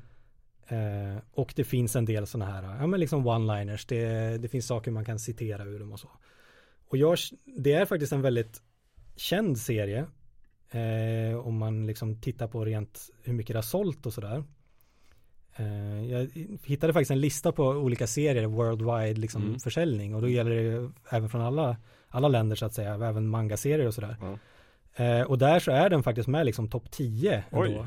Suske och Viske eller Oj, Spike och Susie som Ja. heter på engelska. okej. Men den känns som att om den var känd på kanske 80-talet i Sverige så känns det inte som att den är så omtalad längre. Nej, ja, alltså jag vet att den finns. Jag har ju liksom sett den sådär, men jag har aldrig liksom fokuserat på den eller aldrig läst den eller någonting sånt. Nej, Men väldigt spännande att det finns så många album, att den var så populär också, det visste jag inte. nej, precis. Eh, Men det är ett tips om man kommer över den. De är väldigt eh, trevliga liksom Ja. eh, äventyr. Apropå den där listan då, eh, enligt den så är då Asterix den mest sålda av de här Ja. som vi har pratat om. Det skulle jag kunna tänka mig. 370 Mm. miljoner. Mer än Tintin alltså. Ja, eh, uppenbarligen faktiskt. Jag tror att det måste vara så. Men, men eh, Tintin då på listan, är den inte med? ja, nej, den är med. Eh, Lucky Luke är nummer två, Ja, okej. 300 miljoner. Ja. Sen kommer det lite Dragon Ball och Naruto och sådana där saker. Eh, det är ju en mycket japanskt på den här. Mm. Sen kommer Fino Fiffi strax före Tintin. Okej, Vilket också känns konstigt. men, men kanske inte så konstigt ändå. Eh, och min teori är den här. Uh, både Asterix och Lucky Luke och Finn och Fiffi har fortsatt sen efter liksom 76 och Såklart. getts ut album. Uh, Medan Tintin upphörde då i och med Hergés bortgång. mm, Det vart aldrig mer och han har ju heller inte tillåtit någon annan att ta över rodret på Tintin. nej. Och hur stor man ändå är så Ja, kan, nej, då, är, då har de bara album. 21 album att sälja och sådär. och Så att, även om de säljer dem om och om igen. ja, exakt, ja, precis. Nej men det kanske är det som liksom sätter vissa hinder för, för den här uh, första platsen som jag vet inte om Hergé eftersträvade men kanske säkert gärna vill ha. Han vill nog ligga före Asterix i alla fall. Absolut. Mm. Eh, ja. Men Vad det är ett spännande. tips. Jättebra tips. Eh, vi kan väl ta upp lite grann sådana här saker, bara mindre kända serier kanske som vi inte har nämnt eh, så här i slutändan. Eh, jag skulle vilja tipsa, jag har med mig det här albumet som jag skulle vilja tipsa om. Som jag har faktiskt bara läst, eh, det verkar finnas två. Eh, det är Lukas och Sylvesters äventyr. Två äventyrliga pojkar. Två unga äventyrslyssnare, killar naturligtvis. Eventuellt syskon, eller bara kompisar. Jag vet inte. Eh, det här är ju Peyo också som ligger bakom. Fast tillsammans med ett helt gäng författare. Det är typ Gos, och Derrib och Walter och Peyo som har gjort den här serien. Och jag vet inte, den är bara härlig och rolig. Det är liksom Det är lite Tintin, lite Spirou Lite Starke Staffan-aktigt i någon sorts mischmasch. Och det verkar inte ha blivit så många album. Men eh, lite så här Man kan tänka sig att det finns en hel uppsjö sådana här serier i Mm. Frankrike som aldrig kommer till Sverige, som man aldrig har läst liksom. Nej, precis. Eller som bara dyker in som två album i Tintines äventyrsklubb. Precis. Och sen försvinner liksom. Ja verkligen, för tittar man i, i de klassiska liksom, utgivningarna från Carlsen Comics så brukade det i, längst bak finnas en lista över Mm. andra serier som Carlsen Comics ger ut. Och då är de ju uppdelade här liksom enligt, eh, där har vi Blake och Mortimer och Blueberry, Blårockarna, Bud Longway, sen har vi liksom de här Felix, eh, svenska seriehjälten förstås, eh, Gaston, Johan Pellevin, Linda Valentin, eh, Smurferna och de här mer kända. Sen finns det längst bak så, här, så står det diverse serieböcker. Och där kanske man kan hitta liksom eh, Lukas och Silvesters äventyr. Jag vet inte. Resten. Om jag får göra en liten det. Eftersom att du tog upp honom Ja, nu. precis. En annan doldis som jag tycker är, väldigt fin. Eh, det är eh, en figur som heter Attila. Ja, Som är en hund. just det. Som är gjord av Derib och var väl eh, liksom en av hans huvudserier som han Ja gjorde men själv. precis. Mm. Ehm, och det är ju då alltså en, det handlar då om en, en hund som har i, liksom lärts upp, vilket de säger på ett väldigt så här liksom, eh, ja men lite så här som att det inte var en stor grej, att de har lärt upp honom. Mm. Ja. Så han har blivit supersmart, Ja. han kan prata. Precis, tog inte så lång tid. Nej, precis. Han, gick, han går på två ben. Ja. Han är liksom en människa fast han är en hund. Ehm, och eh, Derib var faktiskt schweizare. Eh, men flyttade till Belgien då Mm. för att komma in i liksom seriegamet så att Just säga. det, okej. Ehm, men det här albumet som jag har som jag tror kan vara det första med honom. Eh, Det heter Attila sliter hund på eh, svenska. Roligt. Ja, det är lite så här, eh, Attila är lite av en så här agentpastisch så att säga. Det är lite så här eh, att de ska, det är lite snabba bilar, det är lite dykare som eh, tar sig in på olika ställen. Mm. Det är lite militärt också. Det finns en lite Okej. militära eh, associationer som kanske Mm. inte alltid liksom finns i, i sådana här serier. Att man liksom verkligen, folk är verkligen med i armén på det Ja, sättet. ja, ja. Men det finns med i den här. Och det är väl lite så här liksom att det är inne och touchar på lite eh, James Bond-parodi och sådär också. För grejen med Attila då, förutom att han är en hund som har ett halsband och liksom så, fast går på två ben, eh, är ju då att han är lite så här James Bond cool slash dryg liksom. Ah, okej. Han är lite Sean Connery liksom. Ja, just det. I Eh, hundform. Redan på liksom första, det här in, insidan av omslaget så att säga, så, så sitter han i liksom en, en länstol, en fåtölj med en sån här rökrock och röker cigarr. Ja, liksom. det. Verkligen. det här är liksom, han är en cool kille, det är det man Mhm. ska få lära sig. Eh, och är också lite så här att han är lite så här bister och cynisk hela tiden Mm. också i, liksom, i sitt uttryck. Eh, och, eh, och det är liksom hans, eh, hans framtoning, vilket Mm. då blir lite roligt eftersom att han är väldigt så här han är ju en hund, en levande hund, vilket är ett väldigt så här cartoonigt eh, Mm. knep Just det. Eller grepp. Men då han, att han också har den här eh, inställningen till livet liksom. Ja. Ehm, och, men han utnyttjar då såklart också att han spelar ju liksom vanlig hund väldigt ofta för att folk inte ska misstänka honom. Nej. När han liksom tar sig in och gör olika agentgrejer på hemliga baser och sådär. Den är en väldigt rolig serie. Jag vet inte hur många som kom ut i Sverige riktigt. Men jag vet att det fanns i alla fall några stycken av den. Ett tips om man någon gång ser den. Mm, Jättebra. När vi nämner Derib så kan vi också bara snabbt läsa, nämna Yakari. Som är kanske hans i Sverige mest kända serie. Mm. Den här fanns i alla fall på mitt skolbibliotek. Eh, som är någon sorts indian eh, pojke. Men det var faktiskt väldigt länge sedan jag läste den så jag minns inte så mycket om vad Yakari handlar om. Men Mm. jag vill minnas på att han var väldigt duglig. Men om du öppnar den lite snabbt där och Ja. kikar lite. Jag har för mig att den har, den känns lite speciell i tecknarstilen. Ja, För att han, han ser lite ut som de här lite mera seriemässiga, lite, men om man säger cartooniga figurerna. mm. Men omgivningarna känns ganska så här, de är som lite mer de mer realistiska serierna. ja precis. Och det är ju lite mera liksom i stil med, med alltså Tintin då, klara linjen. Också så här hur, hur karaktärerna kan tillåtas ha, kanske inte just i Tintin, men, men att karaktärerna kan tillåtas ha lite mera cartoon Mm, inslag. Men mycket realistiska bakgrunder och den är ju väldigt snygg, Yakari. absolut. Tycker jag. Mycket fina bilder av amerikanska prärien. Ja, och mycket så här fina liksom att en, en ruta har en, det är lite filmiskt för att en ruta har en väldigt så här, ja men han, någon ramlar av sin häst Mm. liksom. Och det är en väldigt så här snygg bildvinkel på Mm. det. Det är lite så här kameratänk. Ja. Eller så här en örn flyger över liksom marken Ja, och man ser det väldigt så här från örnens rygg nästan. Och det, det känns som att det finns en så här filmiskt grepp i hur det är ritat. Mm. Väldigt snyggt. Ja, Drib gjorde ju också en serie som är en realistiskt tecknad westernserie. Och det är ju den som heter Blueberry. Ja, just det. Har jag för mig. Nej, Eh, förlåt, Buddy, Longway. Longways äventyr. Här är reklam för den i slutet. Precis, Buddy Longway. Precis. Ja, just det. Så att eh, han var väldigt, men för det var ju Morris när han gjorde Lucky Luke så var det han och några till som drog iväg på en lång studieresa i, till amerikanska västern. Eh, tror du Drib var med? Kanske Det är det. gissning, jag vet Det inte. finns ju vissa influenser med att, vil, att Ja. vilja ha den här westernsättningen. Ja, han verkar gilla den i alla fall. Så kul. Men det är också roligt att det faktiskt är en, en schweizisk eh, tecknare som Mm. har flyttat in i den här eh, miljön. En del av liksom den franska språkfamiljen Mm. men inte liksom de franska belgiska. Precis. Jag lyfter upp några till album här innan slutet. Eh, dels skulle jag vilja tipsa om Franka Mm. som är väldigt eh, i samma anda som Tintin också skulle jag väl säga. Fast lite roligare kanske. Och framförallt en, en driftig kvinnlig huvudperson. Mm. Hon är någon form av liksom undersökande journalist sådär. Men också väldigt mycket en livsnjutare på ett sätt som jag tycker Tintin inte är. Mm. Eh, Hur då? Ja men hon, när hon åker till typ något land så passar hon på att sola liksom. Mm. Som man gör. Det skulle aldrig Tintin göra. Nej. Och sådär. Hon är liksom så här, hon- bor också i någon sån här stad, det är säkert Bryssel eller Paris. Och liksom så här, lite som Starke Staffan, liksom hänger mycket med liksom karaktärerna i kvarteret och sådär. Och verkar ha det liksom trevligt sådär. Och sen händer någonting, så typ en spion. Eller någon som stjäl någonting och sådär. Och hon måste liksom rycka in för att hon är så, så driftig och bra. Ehm, men mycket äventyr. Mm. Och, och ja, jättebra album tycker jag. Också lite svåra att få tag på för de var lite dåliga. Men jag tror ändå så att 3-4 gavs ut i alla fall i Sverige. Och kvalade in på den här sista sidan i Carlsen Comics. Där ja, de det gjorde den också ja, precis. Där de har tre album, i, i alla fall enligt Okej, som jag ser här. Okej, ja då så. För jag tror också att det här är någon person som har jobbat på liksom Tintin-redaktionen. Eh, Och det här är liksom dennes egen serie. För tittar man i den, den är också väldigt mycket så här realistiska bakgrunder och lite, så här, lite cartooniga eh, personer. Men, men snygg och framförallt kul att, att ha en, en för en gångs skull, en, en kvinnlig huvudperson. Mm. Precis, Henk, Henk Kuipers hette han. Ja, precis. Jag ville bara inte, jag hade det uppskrivet, jag ville bara inte nämna, jag ville inte försöka uttala det. Ja, men, eh, men nederländska är ändå lite lättare än franska kanske. Ja, kanske. Mm.